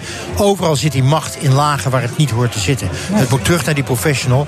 Dat is iets Maar ik waar. vind het te mooi klinken als je zegt dat die schoolbesturen dat zelf zien. Die gaan toch niet uit zichzelf die macht opgeven? Macht is ook geld, want het geld gaat die buidel, die gaat naar hen toe. Het is heel lastig, maar ik ben nu anderhalf jaar met ze bezig. En ik ben, ik ben niet heel optimistisch, maar het pessimisme is er wel af. Ja, maar weet je, dit is echt voor de mensen die dit, een beetje volgen, die weten wat jij hier zegt. Dit is pas echt groot nieuws. Dat schoolbesturen zelf veel macht afgeven, is een hele ingewikkelde discussie. Daar kunnen we echt niet op ingaan. Maar toch, Nou, dat zou je- geld zou in veel landen gaat gewoon direct naar het onderwijs, Ja. naar de leraar in het onderwijs. Ja, en maar dat natuurlijk, dat is weer het wettelijk. Dan moet je weer bij. Arie Slob zijn. Hè? Dat, dat is weer wettelijk allemaal. Dat het inderdaad fout verdeeld. Ik vind dat het fout verdeeld wordt. Ben ik helemaal met je eens. Die zogenaamde lump sum, gewoon daar moet je vanaf. Daar moet je vanaf. Stuur, je kan natuurlijk, bedoel, waar gaat het nou om? Net zoals in de zorg gaat het, je hebt patiënten, je hebt dokters en verplegers. En in het onderwijs heb je gewoon leerlingen Oh, maar en dat is leraren. als de Klaar. geschiedenis terug is op jouw partij geweest, de Partij van de Arbeid, die Ah, er heel erg ja. voor was. En die had gewoon vanwege, die vond de onderwijs niet belangrijk, die vond de maakbaarheid van de samenleving Ja. belangrijk. Nou, ik denk dat we het mede aan de Partij van de Arbeid hebben gedanken... dat het onderwijs in Nederland eh, eh, redelijk onbestuurbaar is geworden. Nou, dat is een mooie uitspraak, ook een reden om, om, om een andere partij te kiezen. Of niet? Nou, ik ben nog steeds netjes lid. Waarom zou je dat zijn? Wat is daar netjes aan? je kunt toch gewoon eh, voortschrijdend omdat? Nee, omdat, omdat sociaal-democratische uitgangspunten... nog steeds die uitgangspunten zijn die het dichtst bij mij liggen. Ja. Meer dan liberalen, meer dan andere uitgangspunten. Behalve dan als het over onderwijs gaat. Behalve als het over onderwijs gaat. Nou, straks het laatste nieuws uit Politiek Den Haag. Dat doen we met Jeroen Stans na de reclame en de AWB.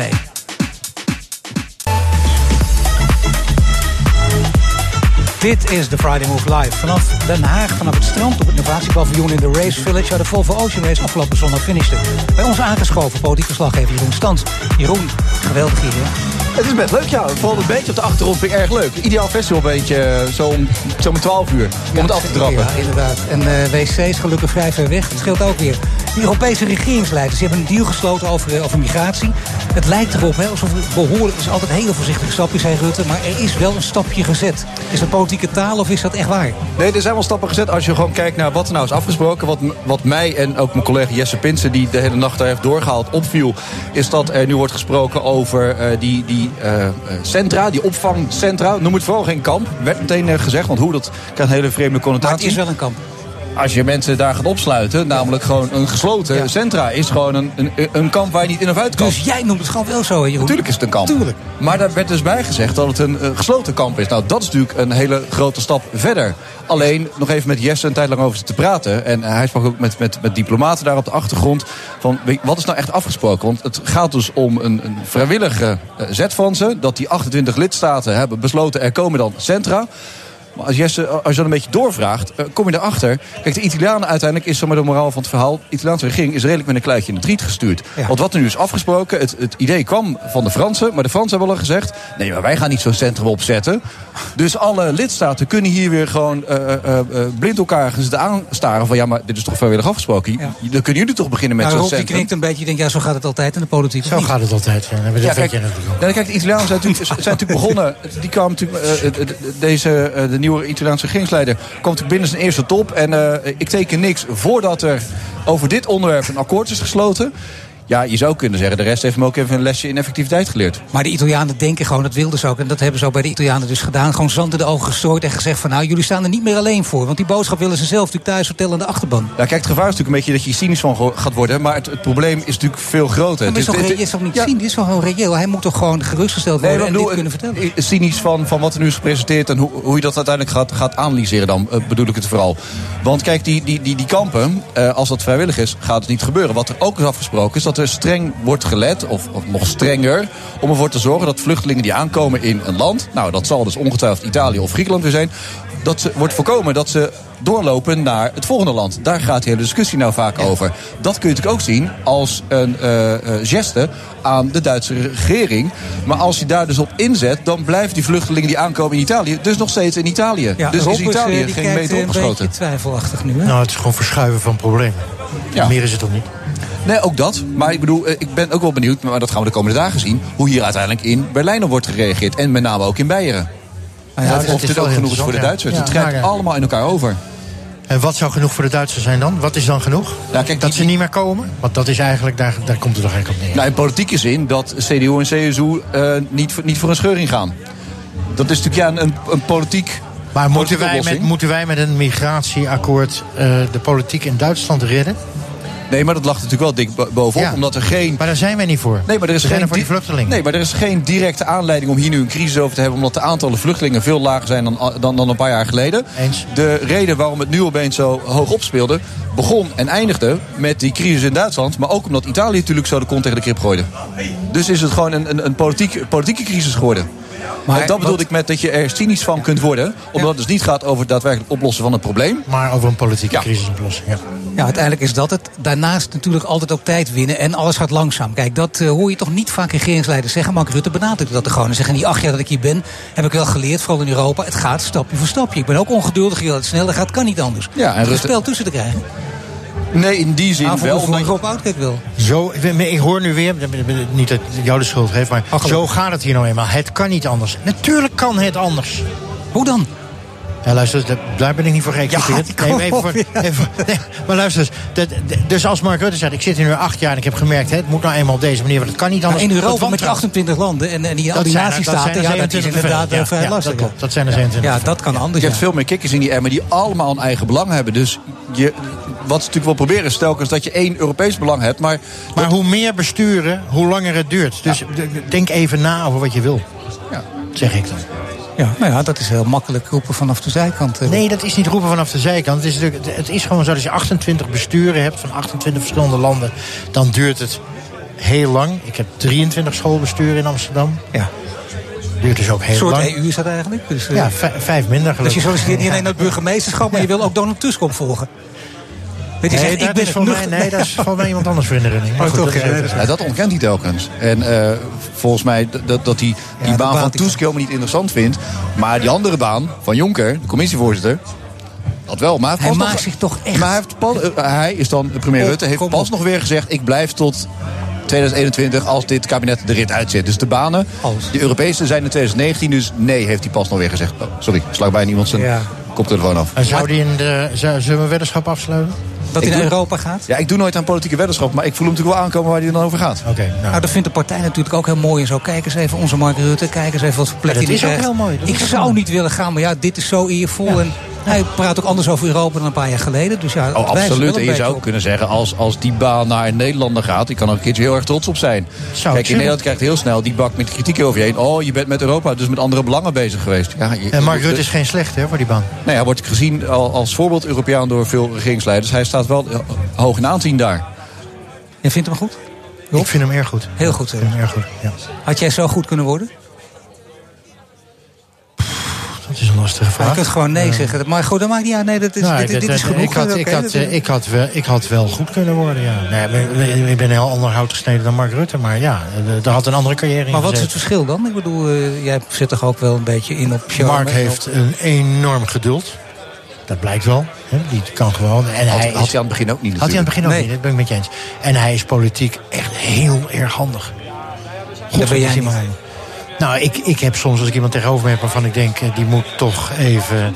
Ja, nee, dat, dan, nee, dat gaat niet goed bij mij. Nee. Even een beuk geven. Nou, of nee, vijanden niet- maken. Verbaal dan, hè? Ja, nee, natuurlijk. Allicht, natuurlijk. Verder kijk nou naar hoe Rutte die debatten in de Kamer doet. Dat is toch... Ja, ik vind Dat is af en toe weerga- fascinerend als het gaat over dividendbelasting. Dan denkt de oppositie, ah, nu hebben we hem. En op een gegeven moment, als hij wat losser komt... dan zie je hem ook gewoon bewegen. Ziet aan zijn lichaamshouding. Dan begint hij weer te lachen en te stralen. En dan weet de oppositie ook, Rutte is vertrokken en je haalt hem nooit meer in. En niet de En dat moet. Dat is ook Nee, maar frustrerend zijn voor de oppositie... omdat ze zelf onderling zo verdeeld zijn. En er dus niet echt doorheen komen. Oké, deze week presenteerden politici van zeven partijen de lang verwachte klimaatwet. Jesse Klaver van GroenLinks die had het over de meest ambitieuze klimaatwet ter wereld. Dat zei hij in iedere zin. Ja, de meest ambitieuze klimaatwet ter wereld. Nou, dan gaan mensen het geloven natuurlijk, want Ja, zo werkt dat. dat was de vraag, wat is je lievelingskleur? Dit is de meest ambitieuze klimaatwet ter wereld. ja, dan komt hij thuis, weet je, is de meest ambitieuze klimaatwet ter wereld. Doe eens normaal, man. Oké, maar is het waar? Heeft hij gelijk? Of is het echt onzin? Nee, het is in politieke zin, dan komen we weer uit bij... Hè, ik kijk af en toe gewoon naar politieke oplossingen. Zeven partijen die dit onderschrijven... is zeker anno 2018 buitengewoon knap. Maar dit is alleen maar, zeg maar het raster van wat de doelstellingen zijn... Hoe die doelstellingen gehaald moeten gaan worden, dat vind ik zelf veel interessanter. En dat gaan we over anderhalve week horen als het klimaatakkoord naar buiten komt. Dus er zijn die tafels, vijf verschillende tafels heet het dan. Waar onder andere Diederik Samson er eentje van voorzit. En die is aan het kijken, achter de schermen, wat zijn nou de manieren om die doelstellingen te halen. Daar gaan wij nog een enorme golf van maatregelen over ons heen krijgen. Die lang niet allemaal heel erg leuk gaan zijn. Want het gaat gewoon geld kosten. Dus daar Maar kun je iets noemen? Iets waarvan je denkt, oh, dat vinden we niet leuk. Eh, Dat, even, even om de sfeer een beetje te verpesten. Nou ja, dat, oh, oh, Zo van- richting het weekend. Nou, van, van het gas af is natuurlijk wat heel veel mensen niet leuk vinden. Maar iets heel kleins. Eh, het kabinet wil er absoluut niet aan. Iedere, keer- iedere keer hoor je dat. Maar waarom zou zo'n tafel niet voorstellen om bijvoorbeeld rekeningrijden in te voeren? Om er even iets, in, eh, iets kleins, maar wel wat je direct raakt. Ja. Zou jij ervan vinden, Rob? Ik zou het volkomen terecht vinden.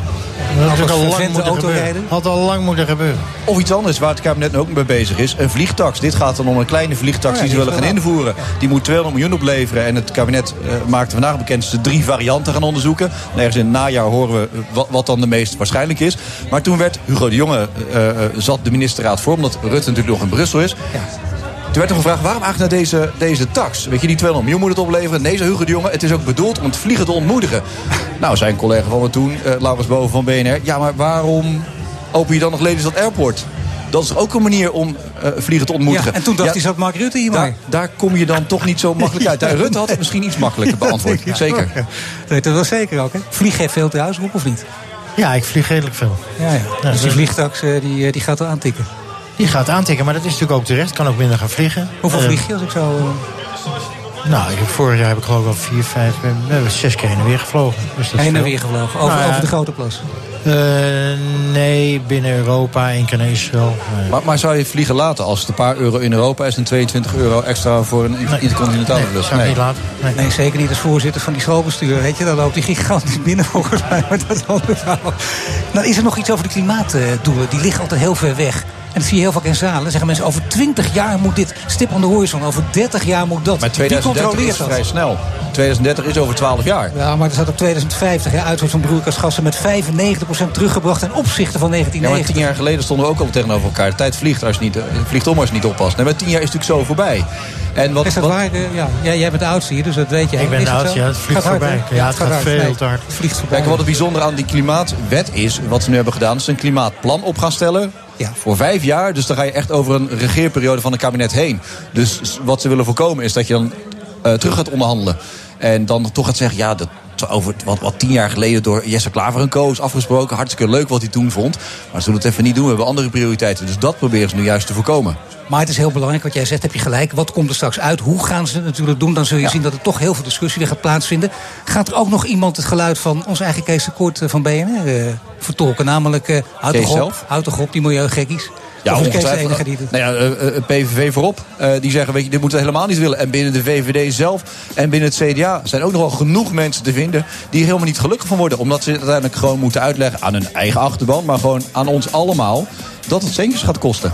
Maar wat moet Jesse Klaver dan zeggen? Die keer de meest ambitieuze klimaat ter wereld. Dan komt hij thuis en zegt, Jesse zegt het meest ambitieuze klimaat ter wereld. En Die dan- gaat dan misschien zeggen wat eh, Alexander Pechtold ook zegt. Ja, maar je kan in plaats van eh geef nou dit uit... anders moet je straks de dijk, dijken verhogen. En dat kost ook heel veel geld.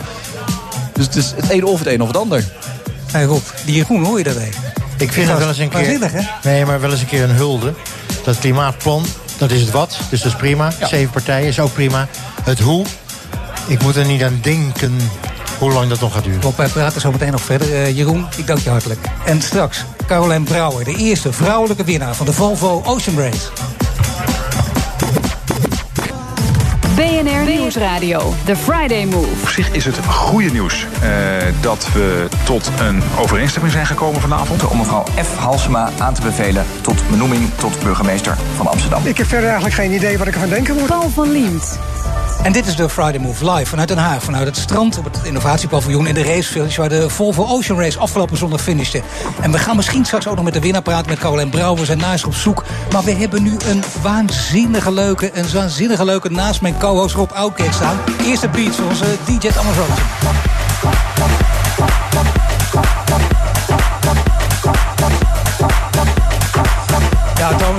Tussen laten komen. We waren zo lekker bezig, maar er is hier de Friday Move Live dus. Vanaf het strand op het innovatiepaviljoen. En eh, ja, ik zei het al, Caroline Brouwer hadden we hier graag. Die, waar, waar is ze? Gewoon, Caroline, kom op. Je weet, weet dat je snel kan zijn. Tenminste, op water. Dus ja, misschien is dat de voet toch weer anders. Maar Jaap Stalenburg is hier. En wie is Jaap Stalenburg? Jaap Stalenburg is een partijgenoot van... Ja, en partijgenoot van Rob Oh, Oudkerk. Maar, maar ik, doe, ik doe nog veel meer dan dat alleen. Ik doe ja, echt veel meer dan dat ja, alleen. dat weet ik, ja. Maar ik ga even hiermee beginnen. Ga om je te pesten. Wat vind je van de partij? Ik vind dat ze op de goede weg zijn. Oh, zij is niet aan het ik heb, de, nee, ik heb echt de stille hoop dat Asscher met een revolutie bezig is. Maar Asscher is gegijzeld door, het, door, door dat partijcongres. Want ik denk dat er met name nu richting Deense Sociaal-Democratische Partij wordt gekeken. Waar een vrij straf beleid gevoerd wordt. Maar ik ben bang dat hij dat niet langs het congres krijgt. Jij wel, Rob? Nee, dat denk ik ook niet. Ver gegijzeld, een goed woord. Nou, als ik aan Lodewijk denk, denk ik niet aan gegijzeld. Hij laat zich niet gijzelen. Maar eh, probeer het maar eens te doen. Hey, maar leuk dat jullie zo Hopeloos. positief gestemd zijn hè, met, de- met een partij die eh, ja, maar toch wij eh, zijn, ook, steeds wij zijn, wij eh, zijn positief gestemd over de partijleiding. Maar wij zijn wat minder positief gestemd over zeg maar, de Partij Democratie en het Partijkader. Oh, waarom? Nou, ik, heb, ik vind dat echt. Ik vind dat de Partij van de Arbeid op zich, als je in de top kijkt... of het dan met Sharon Dijksma is, wat een vertreffelijke wethouder wordt eh, in Amsterdam... ben ik echt van overtuigd. Ik ben een redelijke fan van Lodewijk. Maar als ik dan vervolgd heb, ben ik echt. Kom op, maar je bent toch geen fan van politici? Nee, maar als lid van de partij, laat ik het woord fan... ik ben geen politiek journalist, dus ik mag fan zijn. Nou, kon je ziet, ja, je begint niet voor niks te hoesten. hè? Neem Nee, maar ik vind- ik want vind- nee, ik snap je begint Ja, nee, ik, eh, verslik Twee me door- ik- nee, ik verslik me door jouw boel willen vraagstelling. overnemen. Ja, dat kan niet. Maar goed, laten we even over eh, leuke dingen hebben. Bijvoorbeeld, eh, je bent gek op voetbal, sport, alles. Vertel even waar je allemaal mee bezig bent, ja? Nou, ik Even ben, mij nu, bio, ik ben mij nu geestelijk en organisatorisch aan het voorbereiden op de Tour de France. Want ik denk dat wij ons kunnen opmaken volgende week voor echt een fantastische Tour de France. Met, de, met een behoorlijke kans dat Tom Dumoulin de gele trui wint. En die ook meeneemt naar Parijs. En dat Sunweb, de Nederlandse ploeg, vervolgens een ererondje rijdt op de Champs-Élysées. Wow, kijk, dat is pas een tease voor zometeen. Want straks, kwart over zes, is Rob Oudrek weg. Echt verschrikkelijk. Dan gaan we nog een kwartier door. En hebben we Jaap Maar ik vind Zalenburg. het dus juist leuk om het erop over de Partij van de Arbeid te hebben. Nee, dat kan niet. Dat doen Een kwartier over de Partij van de Arbeid. Daar gaan ze op, man. Alle eer natuurlijk voor de winnares. De grote winnares van de Volvo Ocean Race. De eerste vrouw. Ik ben echt de eerste die dit zegt, Caroline Brouwer. Hallo, fijn dat je er bent. Carlijn, gefeliciteerd Wij zeiden net al, echt van harte gefeliciteerd. Fantastisch, allemaal top en geweldig en zo. Nu komt er wel een moment dat iedereen dit tegen je zegt. Je bent geweldig en goed. Heb je allemaal gemist misschien. Maar de hele uitzending gaat ook een beetje over, over zweven als je goed bent. En hoe je dan toch met je voetjes op de aarde blijft. Hoe doe je dat? Nou, ik ben nog steeds aan het zweven. Ik leef echt op, op, ik dat leef op een wolk deze week. eh, En ik denk dat het eh, ja, maandagochtend eh, werkelijkheid wordt. Dan, eh, ja, dan is deze week voorbij. En dan eh, gaan de boten weg. En dan eh, besef je pas, eh ja, Volvo Ocean Race is voorbij. Maar ja, dan heb je wel de beker. Dus Ja, het is waanzinnig ook. Nee, is dat, want dat idee, daar ben ik altijd zo jaloers op. Je wint een gouden medaille of je wint wat jij wint. Zo'n fantastische race, je wordt wakker. En elke dag weer, wow. Ja, echt. Heb je dat? Ja, ja, ik word deze week wel een beetje geleefd. Ik ben nog aan het, Oh, dat wel. Aan het huffen en puffen van het eh, hardlopen hier naartoe van de boot eh, net. Maar, Veel eh, lastiger dan zeilen, het lopen. nou, ik denk dat deze week is bijna zwaarder dan negen maanden op zee. Dus, Nou ja, dat krijg je dus ook. hè. Negen maanden op zee. We gaan straks met Esther van Venema praten. En die weet van violisten. En andere muzici ook. Dat ze ongelukkig worden als ze niet bijvoorbeeld drie of vier uur per dag kunnen spelen. Heb jij dat ook? Als je bijvoorbeeld niet heel veel kan zeilen op een dag. Dat je dan toch je minder voelt? Nou, ik, ik heb nu negen maanden achter elkaar op zee gezeten. Ik ben blij dat ik eh, niet meer die boot op hoef straks. Maar, oh, toch? Ja, wel. Maar morgen no- moeten we nog een eh, havenwedstrijd varen. En, eh, en dan gaan ze volgende week gaan ze de boot overvaren hier vandaan naar Lissabon. Want daar komen alle boten weer terecht. Die gaan daar in onderhoud. Maar dan, eh, dan hoef ik niet mee hoor. Dan eh, ga ik lekker eh, met mijn zoontje op het strand spelen. Oh, dat zou je zoontje fijn vinden. Ja. Dat heeft hij toch Ja. opgedrongen. dit, ja. Maar daarna een keertje winnen als schipper. En er zijn nog allerlei ambities die je kunt hebben. Of nog een keer winnen. Is, is dat echt serieus? Dat je denkt, nou dat, dat moet ik niet aan denken. Maar eh, natuurlijk gaat er maar vanuit mezelf kennen. Dan gaat dat gebeuren. Ja, kijk, ik- ben, ik probeer deze week echt te genieten.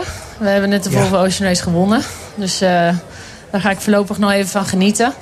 Ehm, de zeilers die allemaal acht keer de wereld rond geweest zijn... die zeggen elke keer als ze klaar zijn... zeggen ze, dit doe ik nooit meer. En ondertussen zijn ze acht keer rond geweest. Eh, de vorige keer met de vrouwenboot Team SCA heb ik ook gezegd... dit doe ik nooit meer. Nu sta ik hier en heb ik de race gewonnen.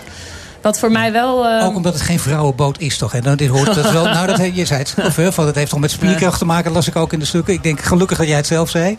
Anders krijg ik, het Ja. weer, eh, dan krijg ik er weer van langs. Maar Nou, toch met is alleen vrouwen zou je kunnen winnen? Eh, nu nog niet, denk ik. Maar in de toekomst wel.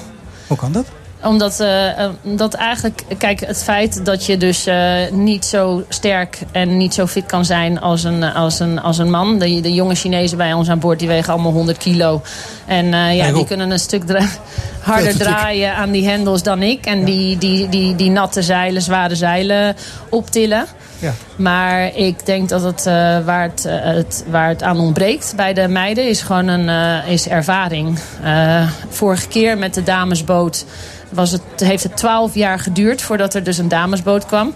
En ondertussen hebben de heren dus vier edities van de Volvo Ocean Race gevaren. Die hebben twaalf jaar lang zijn ze door de, door de Zuidelijke Oceaan gevaren. En eh, wij kwamen daar voor het eerst eh, drie jaar geleden. Ja. En eh, met SCA hebben we dus, nou, we hebben, we hebben het niet onaardig gedaan. We hebben toch een, een, een etappe weten te winnen. En dat was ook historisch. Maar dan moet dat, eh, die, die- dat momentum moet wel doorgezet worden. Weet je, nu is er weer geen vrouwenboot, wat ontzettend jammer is. Maar hebben ze wel een nieuwe regel ingevoerd. En dat zijn de, de gemengde teams, de mixed teams. En ja. zo heb ik de kans gekregen om eh, dus met Dongfeng Race Team mee te Ja, gaan. hoe gaat dat met zo'n mixed team eigenlijk gedurende negen maanden? Eh, een diversiteitsteam helemaal. hè? Want jong en oud, nationaliteiten door elkaar, alles. Dat is bijna een pleidooi gewoon. voor heel veel mensen die er misschien wel denken, dit moeten we om, omarmen. Ik zie hier gewoon man weet alles voor PE, ook Jaap Stalenburg. Die, die kan er wel een handeltje uitslaan, of niet Jaap? Nou, geen handeltje uitstaan. Ik vind om te beginnen, en daar zal wel weer wat gezeik over komen. Ik Ah, vind, lekker. ik vind dat Carlijn Brouwer moet worden genomineerd als sportvrouw van het jaar. Ik weet dat dat altijd een hele ingewikkelde procedure Ja, hij is. is een slijmer van het jaar. Nee, Ja, dan moet ik er wel het bij zeggen. Maar je hebt, hij heeft gelijk, hij heeft gelijk. Maar toch even... Ja, Ik vind het verder, echt. Ik denk dat als je ziet wat daar, sport, wat daar fysiek gepresteerd is, dus sportief Dat is gepresteerd, dat is echt waanzinnig. Is dat beter dan wat Tom Dumoulin gedaan heeft? Nee, dat kun je niet vergelijken natuurlijk. Kijk, Ja, we hebben lekker het- makkelijk. Nou, ik ik vind het in ieder geval een grotere prestatie dan Tom Dumoulin de Giro bijvoorbeeld. Ja, het- ja, dat vind ik heel interessant. Nee, het is heel gemeen een beetje. Dat is ook ik heb waanzinnig. dat, ik maar, van, oh, Kijk, het voordeel van... Zo. Nee, wat ik het leuke vind, van, dan bekijk ik het even commercieel. Van die En je Volvo, gewoon met blaadjes weg, Van die moet Volvo vragen, ja. Ocean Race. Van de Volvo Ocean Race vind ik leuk dat je het kunt volgen.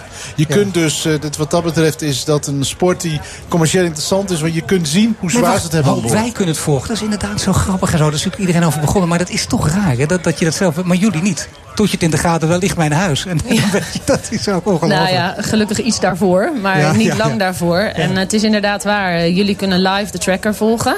Dus jullie weten precies eh, hoe hard alle boten gaan, welke windrichting ze hebben, waar ze liggen.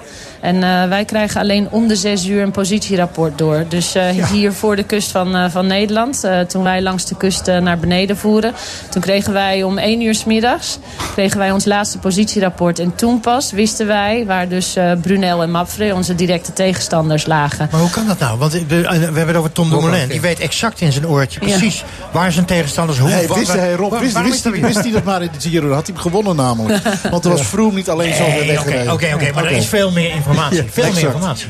Maar hoe kan het nou? Dat, dat, dat lijkt me techniek. Of zie ik dat fout? Dat is eh, gewoon een, een regel van, van de race. Om de, Aha. om de zes uur. En, eh, en op basis daarvan, eh, bijvoorbeeld heeft nu dit keer onze, onze, onze navigator en onze schipper. Die zijn gaan rekenen. En die hebben gezegd, nou, op basis van die wind en die windrichting. En eh, toen kwam die aan dek. En eh, toen zei hij van, eh, wij gaan twee mijl achter Brunel en Mafre eindigen. En eh, nou ja, toen zakte onze hoofd er natuurlijk. En toen ging hij toch maar even aan zijn hoofd krabben. En toen ging hij nog een keer rekenen. En toen heeft hij gerekend op basis van de wind die wij op dat moment hadden. En dat Oh, we die zouden houden tot aan de finish. En dat was iets meer dan de wind die de weermodellen lieten zien. En de windrichting voor degene in zee was ook iets ongunstiger. Waardoor ze Oh, ja. dus nog manoeuvres grijpen moesten ze naar de finish toe. En toen kwam hij weer boven en toen zei hij... wij gaan op één mijl deze race winnen. Ja, en het dat waren er geweldig. 3,8. Dus. Ja, dat is echt geweldig. En ook onvoorstelbaar na negen maanden dat dat kan. Dat het gewoon om zoiets kleins zo ook gewoon gaat. Ook zwaar en frustrerend als je niet wint. Hè? Want dat hoor je natuurlijk te zeggen. Oh nee, geweldig en tof hebben we hem uitgegaan. En met z'n allen leuk team. Fantastisch met elkaar. Maar het is echt kloot, of niet? Ja, als we hem niet Ja. hadden gewonnen, dan was het echt kloot geweest. Ja. Oh, ja, daar moet je daar niet aan denken. En dan toch, eh, ja, de verzadiging slaat eens een keertje toe. Wat ik net ook al zei, dan wil je denken, ik moet meer gaan doen. En eh, je wil ook beter worden en daar moet je kritisch voor zijn. En dat is lastig, want dan moet je opeens een, een, een, echt een analyse kunnen maken. En je zegt dat je nu nog aan het zweven bent. Kon je dat meteen? Of kon je ook tegen een kritische vraag er lopen altijd wel en zeiken tussen?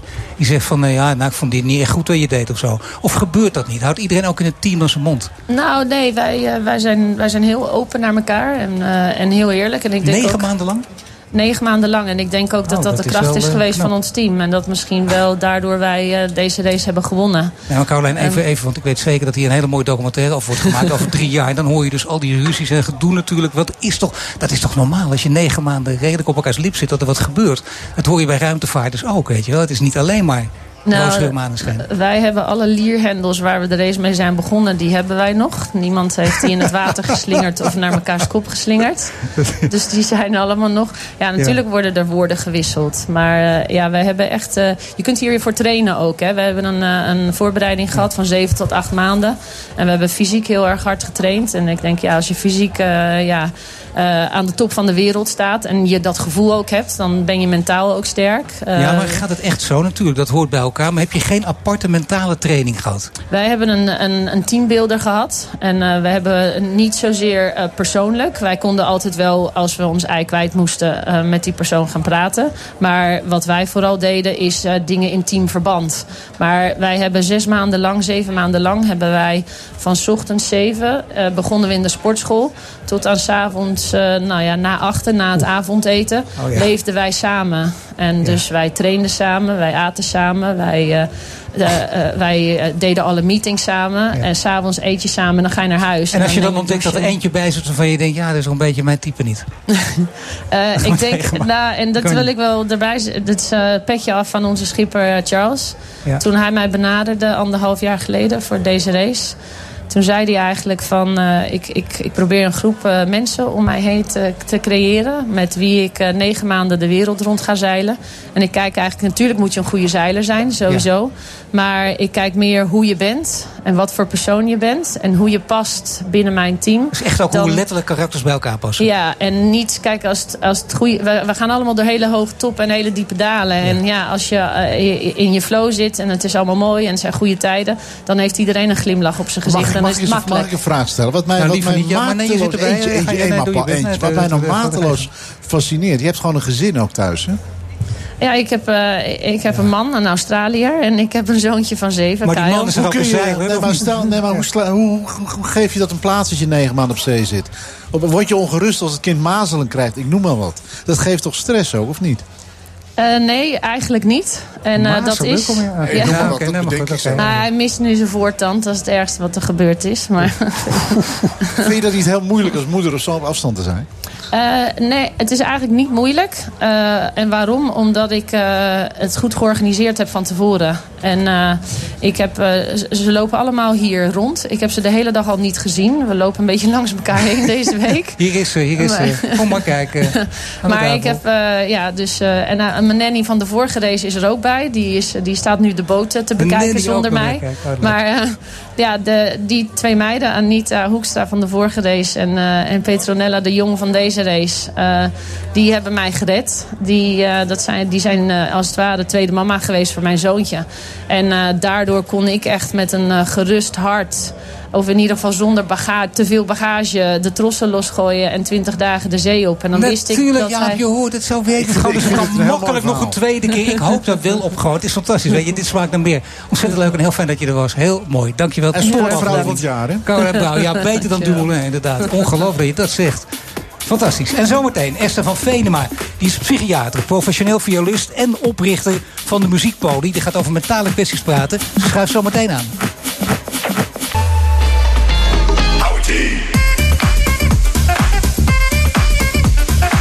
En dit is de Friday Move Live vanaf het innovatiepaviljoen in Scheveningen. Aangeschoven Esther van Venema, psychiater, professioneel violist en oprichter van de muziekpoli. En Rob Oudkerk. Ja, en eh, nou, Esther die kwam eh, niet ja, aangeschoven, mag ik niet zeggen, maar die komt hier door het rulle zand aangerend en zo. Eigenlijk het leukste maar meteen een vraag te stellen. Want Esther, dan horen we je ook even dat het echt waar is. Je kunt bijna niet meer ademhalen nu. Nou, ik ben een soort aangespoelde drenkeling. Maar goed, zo Ja. voelen die muzici Mag ik zich een hele vaak. grap even maken? Want in jouw boek gaat het ook over paniekaanvallen. Heb je zelf ook last van gehad? Heb je nu... Nou ja, is er één aanstaande nu? Of... Eh, Weet je, het is altijd heel handig als je heel veel adrenaline hebt om heel hard te gaan lopen. En dat moest ik van jouw redacteur. Keihard Oh, rennen over het strand. Dus het En gaat. jij doet meteen wat mijn redacteur zegt ook. Ja. Oh, nou wat keurig. Hoop ik vandaag ook Ik was in groot gevaar, dus ik doe alles wat me dan gezegd wordt om te overleven. Oké, Rob, eh, luister even. Jouw eerste vrouw, die eh, was psychiater. Je huidige vriendin psycholoog. Wat vind je aantrekkelijk aan vrouwen die psycholoog of psychiater zijn? Die mentale problemen behandelen. Nou, ik heb niet eerst gekeken naar welk beroep ze hadden. Eh, ik, heb, geen ik heb met. Marieke, met mijn eerste vrouw, samen gestudeerd. En toen werd ik huisarts en zij psychiater. Dus dat lijkt me toeval. En Francisca is psycholoog. Nog niet eens, want ze zit in het laatste jaar. Ze is op het 43 begonnen met studeren.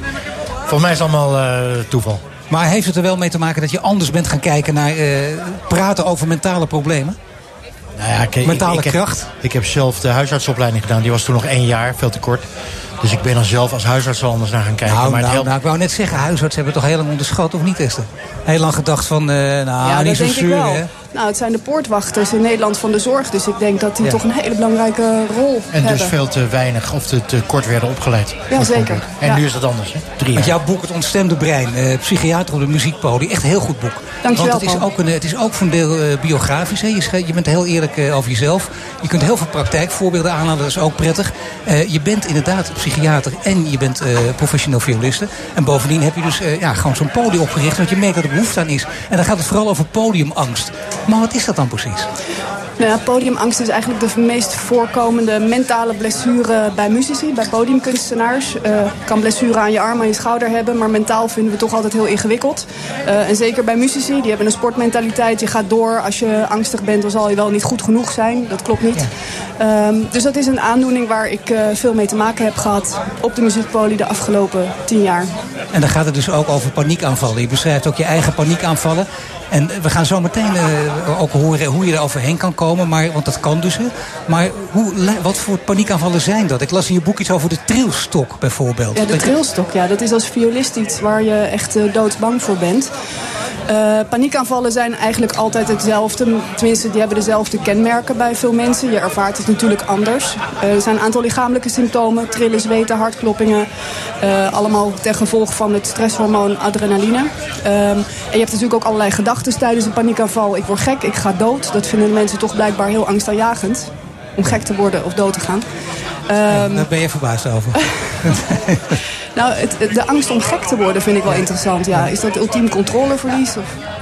Ja. Nou, ik kijk even. Ik weet daar niet zoveel van. Maar Rob, volgens mij heb jij dat... Nou, ik schat ik zo'n beetje... Ik herken het wel. Nee, de paniekaanvallen. En die, die heb ik ook al gehad in mijn leven. Dus de angst inderdaad dat je dan maar als je, dat je er podium, niet meer uitkomt. Maar, maar ja. het gaat echt om een podium. Ja, als je, als, je, als, je iets, als je iets heel stressmatig moet doen. Ik, ik ben geen muzikus, dus kan niet vergelijken. Maar als je iets heel stressmatig moet doen. In het begin, ik weet nog dat mijn eerste televisieoptreden bij Divertje Blok.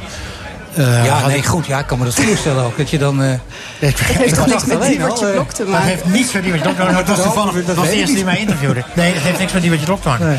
Maar ik geloof ik heb een hele week op de wc gezeten. Maar ook de dag daarvoor kreeg ik ook echt... Nou, nog, nog net geen paniek aanvallen. Maar wel dat je denkt, ik word gek, dit gaat niet goed. Ik kan er niet heen. Ja, ja, ja. Heel angstaanjagend hoor. Heel primitief soort angst eigenlijk. Hè? En mensen kunnen inderdaad ook echt van het podium wegrennen.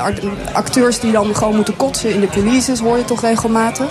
Heel heftig. Nou ja, dat is natuurlijk, maar dan denk je, oké, okay, dat is een soort spanning en daar kun je overheen komen. En dan heb je dus mensen die zeggen, dat is een beetje, daar, daar geef jij altijd op af, hè.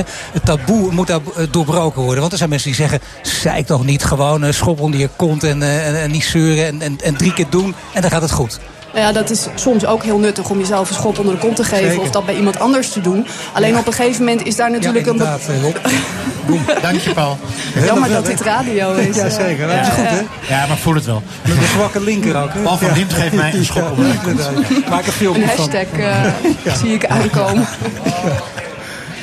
Um, een schop onder je kont is prima en dat heb je ook soms nodig. Maar er is een bepaald punt dat je er zelf niet uitkomt... en dat je gewoon verstandig moet zijn en hulp moet zoeken ja, hulp moet zoeken is toch een, een behoorlijke stap. Uh, dat doe je bij jou dus ook. Want dan heb je niet van niks die muziekpodium ook opgericht. Mensen vertrouwen je ook. En ze vertrouwen je misschien nog meer omdat je beide kanten gewoon kent.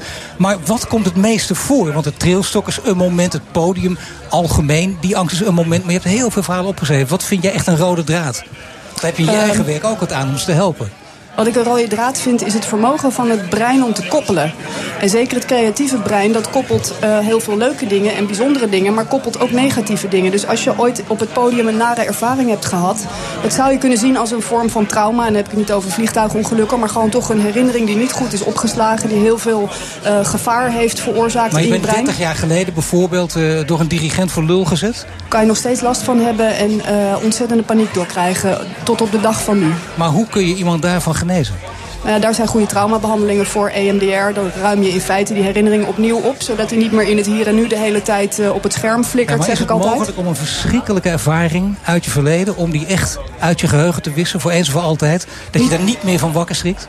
Te wissen is niet het juiste woord, denk ik. Maar je kan het wel zodanig opruimen dat je er geen last meer van hebt. Dat het geen spanning meer geeft, geen arousal is het mooie van muziek. En dat schrijf je ook. En, en van optreden sowieso. is natuurlijk om in een flow te raken. Je beschrijft ook al dat woord is natuurlijk. En veel mensen hoop je bijna dat ze dat kennen. Het is een geweldig gevoel dat je niet anders wil. En dan ben je op je toppen. En dan gaat alles geweldig. En dan gaat de hemel open. Je wil niet anders. En dan opeens mag je niet meer. Drie uur lang viool spelen. En dan mag het niet meer. Dan kan het niet meer. En daar worden mensen dan echt letterlijk dus gek van. Of in ieder geval heel ja. ongelukkig van.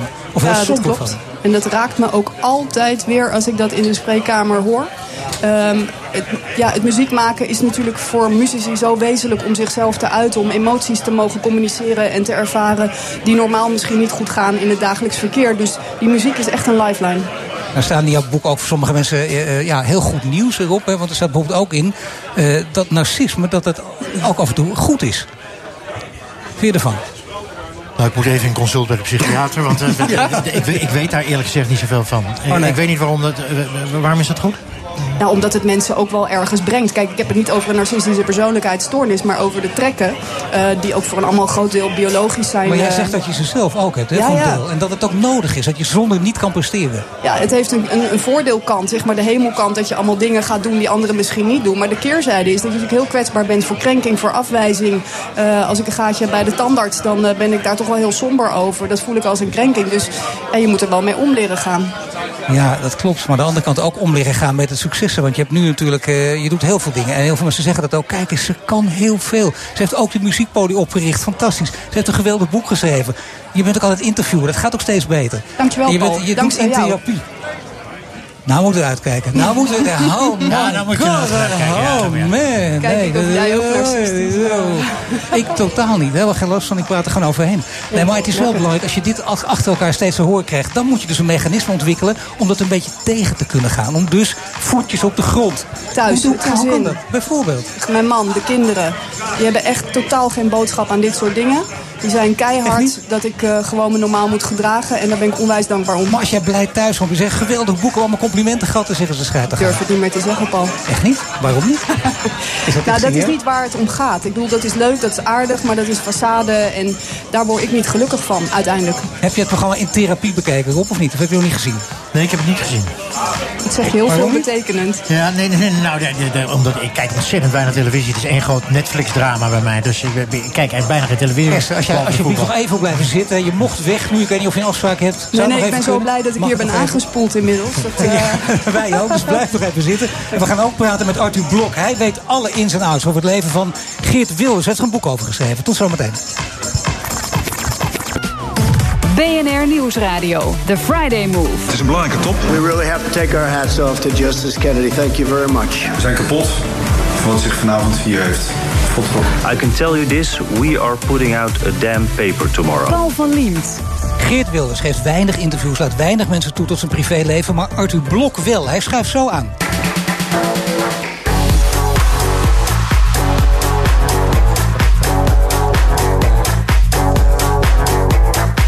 Dit is het laatste half uur van de Friday Move vanaf het innovatiepaviljoen in Den Haag op het strand in Scheveningen met de beats van DJ Thomas Robson.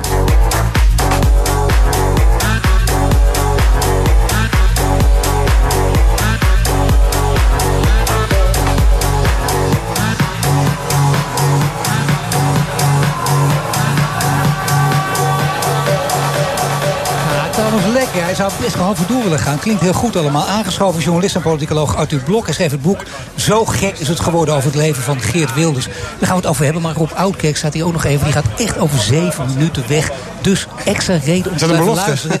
En is een is dat, kijk, ze heeft ook nog humor, die man. Hè? Hey, en eh, Rob, eh, moet je luisteren. Dat is wel leuk voor de mensen om te weten. Je bent jong van geest. Hebben we allemaal gehoord. Alleen ja, je was net wel even in paniek omdat je bril kwijt was. Hè? Ja, dat is eh, typisch het van ergste van, van ouder worden is dat je eh, zonder bril volkomen kansloos wordt. Ja, oh jee.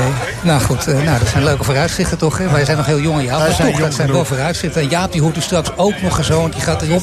Echt, eh, ik wil een vraag stellen, maar jij mag eerst. Maar ik begin toch zelf even. Want je hebt net je boek ook, eh, Arthur. aan Geert Wilders overhandigd of niet? Klopt, ik heb het in, de, in de Tweede Kamer heb ik hem het eerste exemplaar gegeven. En wat was zijn reactie? Nou, hij was heel erg benieuwd wat erin staat. Ik heb hem zijn passages laten lezen. Maar verder weet hij niet wat er nog meer in staat. Dus dat is voor mij ook een verrassing. Maar hij zei niet, je bent knettergek om zo'n boek te schrijven. Nou, nee, dat niet. Maar eh, ja. ik kreeg toch wel de indruk dat hij, dat hij sterk benieuwd is wat, wat, wat erin staat. Ja, wel interessant ook natuurlijk. Het stickertje op het boek, ook op Ja. de cover natuurlijk. Met medewerking Ja. van Geert Wilders. Maar- Ja, want ja. daar gaat het om. Het is mij gelukt om met hem eh, te praten. Waarom is het jou gelukt? Waarom het is mij, mij is gelukt? Nou, ik heb hem eigenlijk sinds hij uit de VVD is gestapt... benader ik hem al een beetje met een open vizier. Ik was toen de... In 2006 was ik de perschef van Novum Nieuws in de, in de, in de Tweede Kamer. Ja. En toen was hij, zat hij alleen in zijn kamertje. Niemand wilde met hem praten. Geen journalist nam hem serieus. En ik had zoiets van, nou, we gaan even kijken wat, wat Wilders daarvan vindt. En zeiden die, die eh, collega's van mij op de redactie altijd van... ja, joh, wat maakt het nou uit wat Wilders daarvan vindt? Die zit in zijn eentje en die is straks weg. Ik zei van, nee, we gaan er toch heen. En ik kwam regelmatig bij hem op de koffie. Koffie drinken vrijdagochtend. de Senseo stond altijd klaar. Hij heeft ook aan jou gevraagd volgens mij toch of je lid wilde worden van de partij? Of je mee wilde gaan doen? Nou, lidmaatschap, eh, dat is niet mogelijk. Maar eh, hij wilde wel... hij vroeg of ik op de lijst wilde staan. En toen zei ik, van, ja, dat, dat, dat, heb ik helemaal geen interesse in, Geert. Nee. Maar ik wil best een boek over je schrijven. En toen zegt hij, oh, ben je er zo eentje? Ja, eigenlijk wel. ja. Maar hij is je blijven vertrouwen tot op de dag... En hij heeft het Nou, boek nog niet gelezen, dus nou, je weet weet het niet. Kan best dat Weet je wat het is? We hebben heel lang ik heb geen, geen contact met hem gehad. En toen, ik ben hem altijd blijven volgen. De rechtszaken tegen hem, natuurlijk heel interessant. En ik stuurde hem vorig jaar eh, mei een mail. Ik zeg, meneer Wilders, zou je met mij willen samenwerken om een boek te maken? En toen zei hij van, nou ja, weet je wat, kom ook maar langs. En zo simpel ging het eigenlijk. Ja, dat is heel verrassend. Heeft hij dus Ja. vertrouwen in je? Je schrijft ook op dat hij geestig, eh, intelligent en vriendelijk is. Dus dat mag je allemaal in zijn zak steken. Maar er staan ook wat minder leuke dingen over hem in. Daar gaan we het ook nog over hebben. Rob, wat vind jij van Geert Wilders? Groot fan, denk ik. Nou, ik ben eh, in zekere zin een groot fan van hem. Ik vind sommige van zijn standpunten abject. Maar dat, je hoeft niet eh, standpunten te delen om een fan van iemand te zijn. Wat vind je object? Is een stevig woord wel, hè? Eh, vind je ja, ik object? vind, nou, ik vind, ik vind dat hij veel te ver doorslaat met zijn islamofobie. Echt veel te ver.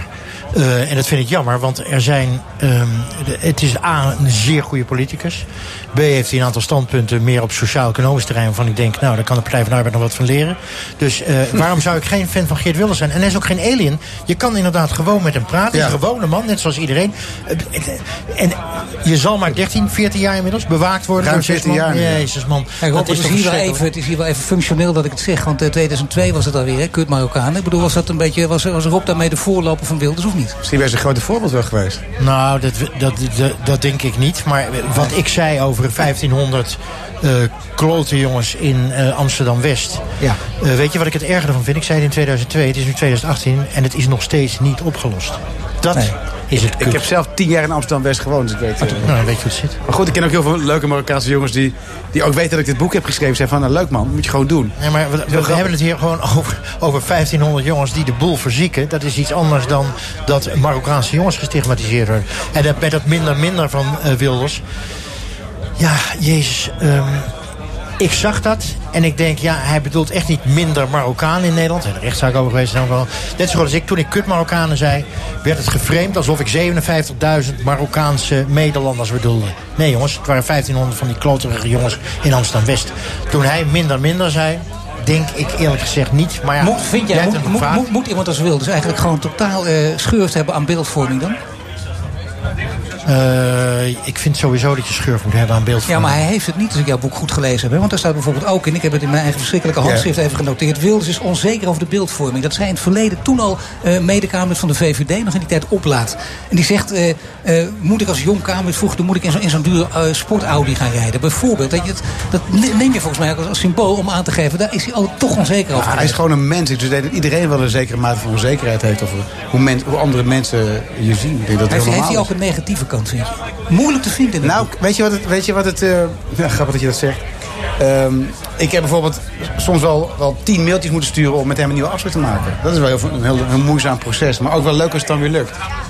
Ja, hij leeft ook, ook een heel raar leven. Wij kunnen ons helemaal niet voorstellen hoe het is om zo'n leven te leven.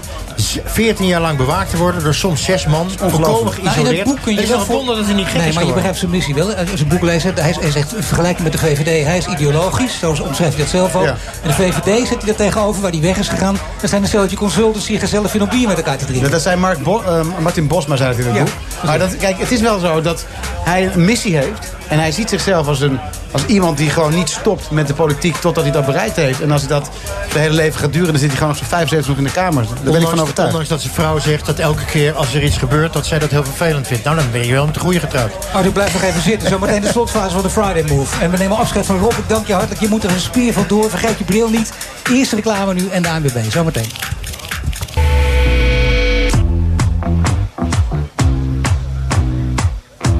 Zometeen dan praten we verder met Arthur Blok. Hij schreef een boek over Geert Wilders. Eerst gaan we even naar de studio in Amsterdam. Daar staat Rob Jansen. Hij presenteert vanaf half zeven Beurswatch. Rob, ja, vertel man. Ja, nou wij gaan het hebben over onder andere de laatste ontwikkelingen omtrent de handelsoorlog. Trump lijkt nu uit de Wereldhandelsorganisatie, de WTO, te willen stappen. En ja, je ziet ook wel dat de afgelopen week de AEX iets sterker is gedaald dan anders. Dus het lijkt erop dat die handelsperikelen ook wat sterker doorwerken nu eh, op de Amsterdamse beurs. Nou, dat is een mooi onderwerp, hè? Ja, zeker. Dat, eh, daar kunnen we uitgebreid eh, over debatteren. Maar je hebt toch nog meer op, want ik ga Ja, niet de hele zeker. Hier aan besteden. Nee, nee, nee, nee, Nee. We gaan het ook over bedrijven hebben. Onder andere Air France KLM. Heeft nog steeds geen eh, nieuwe CEO. Daar zijn ze eh, naar op zoek.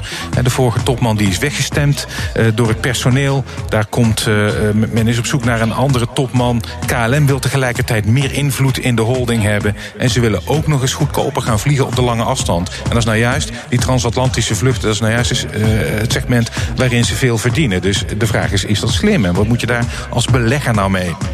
Ja, en dan krijgen we lekker het antwoord straks van jou toch, Rob? Heb je nog meer? Ja, zeker. Nog één ding. Eh, Amazon was ook al Zo. groot nieuws. Gaat, eh, eh, gaat concurreren met apothekers. Gaan we het ook over hebben. En dat doe ik allemaal met Etienne Platte van Antaurus. Staat nu nog in de file, maar hopelijk op tijd straks voor de show. Ja, tuurlijk, joh. En Nico Inberg van E IEX.nl. Vanaf half zeven Beurswatch met Rob Jansen. En Arthur Blok, ja, die schreef natuurlijk een, een boek over Geert Wilders. En Jaap Stalenburg zit hier ook nog. En die heeft echt de vraag van het jaar. Nou, ik heb niet de vraag van het jaar. Ik heb wat zitten bladeren in dat boek. En ik moet eerlijk zeggen, het boek leest echt, eh, zelfs als je het af en toe inbladert als een trein. Ik zit een beetje, kijk, het verleden van Wilders zien we nu. Mijn, mijn vraag zit meer in de toekomst. Hoe zie jij de toekomst van Geert Wilders? Als ik, als ik er zo naar kijk, voor mij is ja, lijkt hij over de top. En met name is Salt Baudet zal toch heel veel electoraat bij hem weghalen, of niet? Hij, denk- wordt een beetje, ja. hij wordt ook een beetje zuur in de Kamer, vind ik, als ik eerlijk ben. Ik, ik denk dat het wel meevalt. Ik denk juist dat, dat de Forum-kiezer een hele andere kiezer is dan de PVV-kiezer. En je, je hebt misschien gelijk in dat er een paar zetels van zou kunnen worden afgesnoept. Maar je ziet nu al dat de stijging weer is ingezet. En er is natuurlijk al wel een wishful thinking bij veel journalisten. Ah, het zou toch wel afgelopen zijn met die Geert. Het is Nee, maar mooi ik, nee, geweest. maar ik ga mijn eigen indruk af. Wat, Oké. an- wat andere journalisten vinden interesseert me zo goed als niks. Maar ik vind hem wat Oh, verbitterd. Ik vind hem over de top. De dynamiek is eruit. Zie jij dat niet? Ja, kijk, het is misschien ook wel een beetje de tijd waar we in zitten. We hebben nu net verkiezingen gehad, Kamerverkiezingen, gemeenteraadverkiezingen. Hij werd de tweede partij, mocht niet meepraten. Dus misschien is hij wel een beetje verbitterd. Dat zou best kunnen. Maar Maar zou, je zou ook, wat, wat, is jouw, wat is jouw serieuze taxatie? Denk je, de, het, het, kijk, het mooiste voor hem moet nog komen? Of dit is, hij zit nu wel in zijn Nee, top ik, denk dat, ik denk dat de, de PVV nog veel groter gaat worden. Ik denk dat de demografische... Gebaseerd waarop? Nou, bijvoorbeeld de demografische ontwikkeling in Nederland. Wat Oudkerk net ook zei, dat heel veel problemen waar het al heel lang over gaat nog niet zijn opgelost. Kijk naar de, naar de EU-top in, eh, in Brussel over de migratieproblematiek. Dat is nog lang niet Maar er opgelost. speelt wel een hele belangrijke kwestie natuurlijk. Hè. Die heeft inderdaad te maken met de manier waarop je iets naar voren brengt. En daar wordt eh, natuurlijk eh, Wilders ook eh, op bekritiseerd. Ik denk intern mag ik hopen dat het ook gebeurt. Dat gebeurt met iedereen. Volgens mij is het probleem juist dat het daar niet gebeurt. Is, er wel kritiek nee, gebeurt- Nee, maar is er, is er intern kritiek op hem of niet? Absoluut, absoluut. Is, is er toevallig van, vandaag maar hoe dan? Van wie? Ja, er, er zijn natuurlijk heel veel mensen in de, in de fractie. Kijk, Als je, een fractievergadering hebt, dan gaat het natuurlijk flink aan toe. Dat is ook bij de PVV zo. Er wordt wel eens gezegd, van, moet het nou op die manier worden gezegd? Moet het nou zo worden gezegd?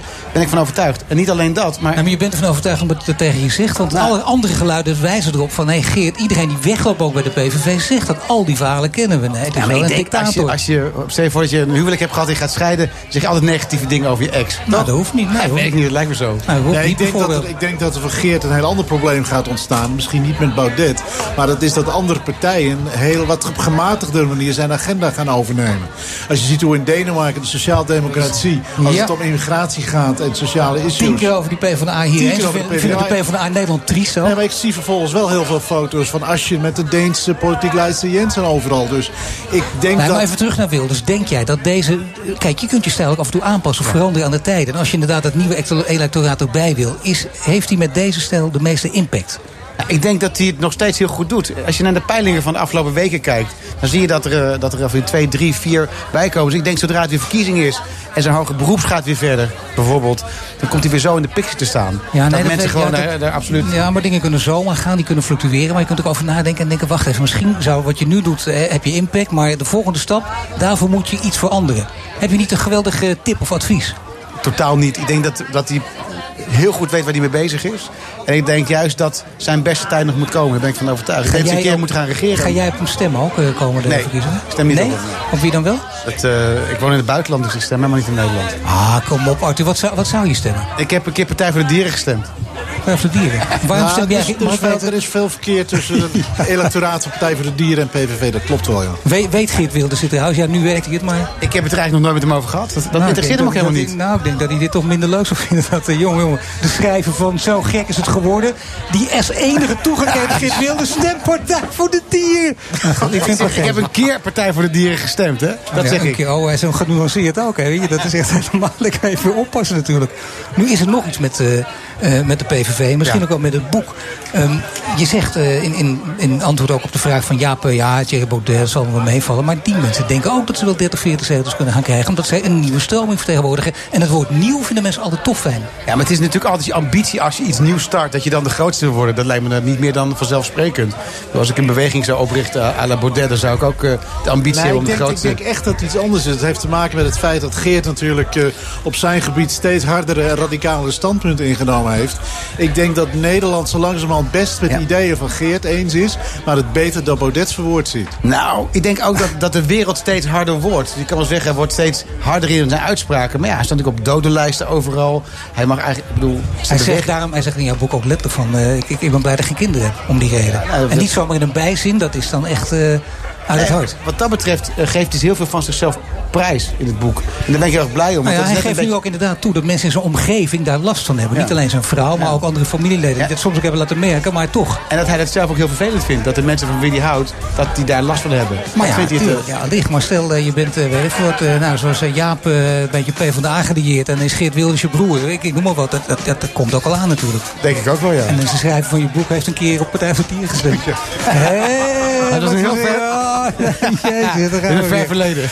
Oké, het boek heet, en wat zei, hoe zei je nou ja? Want jij zat, je bent heb je aangekondigd dat ze van het ja, maar dit vond je ook alweer een goed boek, hè? Ik zat er even te bladeren. Dus vond ik zag een paar passages en dat vond ik buitengewoon leesbaar. Hoor. Het is ook een boek, zeker. Ja. Arthur Ja. Blok, zo gek is het geworden. Geert Wilders van eenmansfractie tot brede volksbeweging.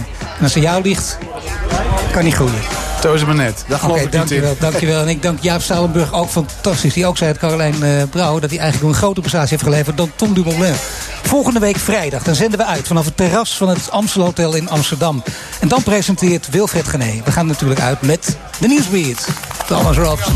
Eh, Hij heeft de caps lock aan. Supreme Court upholds Trump's travel ban. Wauw, met een uitroepteken. Dus eh, president Trump is hier heel blij mee. Nou, ik, ik schrik niet zo snel. En wij hier bij de Telegraaf eh, al helemaal niet. Maar eh, er is wel sprake van eh, opzet. pers moet haar werk kunnen doen. U, de Telegraaf, het Parool. Eigenlijk zegt het kabinet, wij komen er niet uit. Maar we leggen het nu even neer bij de Belastingdienst en we hopen dat het goed komt. Ik kan daar niet te veel over zeggen, maar het bevestigt alleen maar dat dit wijst op een aanslag. Je kunt niet nog eh, juridisch eh, zeggen hoe je het moet kwalificeren. Eh, maar ja, zoals in Europa wel vaker is het toch stapje vooruit, stapje terug. done nothing wrong here. I've got every right to be racing.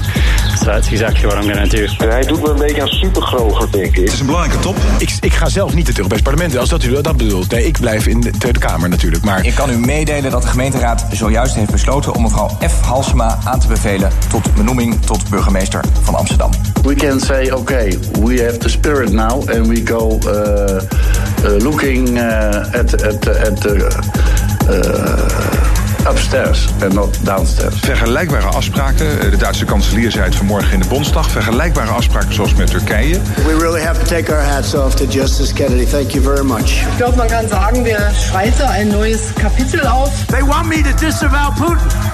Putin of Russia. He said Trump is a genius. He'll be the next leader. Op zich is het goede nieuws eh, dat we tot een overeenstemming zijn gekomen vanavond. Eh, dat was niet eenvoudig. Ik zag net eh, verslaggever Chase Cook tweeten. I can tell you this, we are putting out a damn paper tomorrow. Ja, dit is de meest ambitieuze klimaatwet van de wereld. Eh, Die zijn ook zo ontzettend vaag dat het de vraag is of Noord-Korea zich nu niet aan die afspraak houdt. En nu komen de Star Wars fans in opstand. Nou, die grens is dus al jaren bereikt en dat komt ook wederom door de politiek. Nou, ik vind eh, het op een aantal punten een heel helder advies. Toch heeft de voorzitter van de Vertrouwenscommissie op 3 mei aangifte gedaan wegens lekken uit de commissie. Het politieke leven brengt met zich mee dat je heel veel dingen doet die populair zijn. Eh, maar dat je soms ook dingen moet doen die nodig zijn, maar niet meteen populair. Ja, de regels zijn zo dat het eigenlijk een vrijwillig eh, register is. En eh, ja, de muggen kunnen kennelijk eh, de winter overleven in Nederland. And by the way, wouldn't it be nice if we actually got along with Russia? Wouldn't that be, wouldn't that be nice? The Friday Move wordt mede mogelijk gemaakt door TUI. Discover your smile. Ook Diana Matroos vind je in de BNR-app. Ja, inderdaad. Je kunt live naar mij luisteren tijdens de Big Five. Ook handig in de BNR-app. Breaking nieuwsmeldingen, maar ook het allerlaatste zakelijke nieuws. En je vindt in de app alle BNR-podcasts, waaronder Wetenschap Vandaag. Download nu de gratis BNR-app en blijf scherp.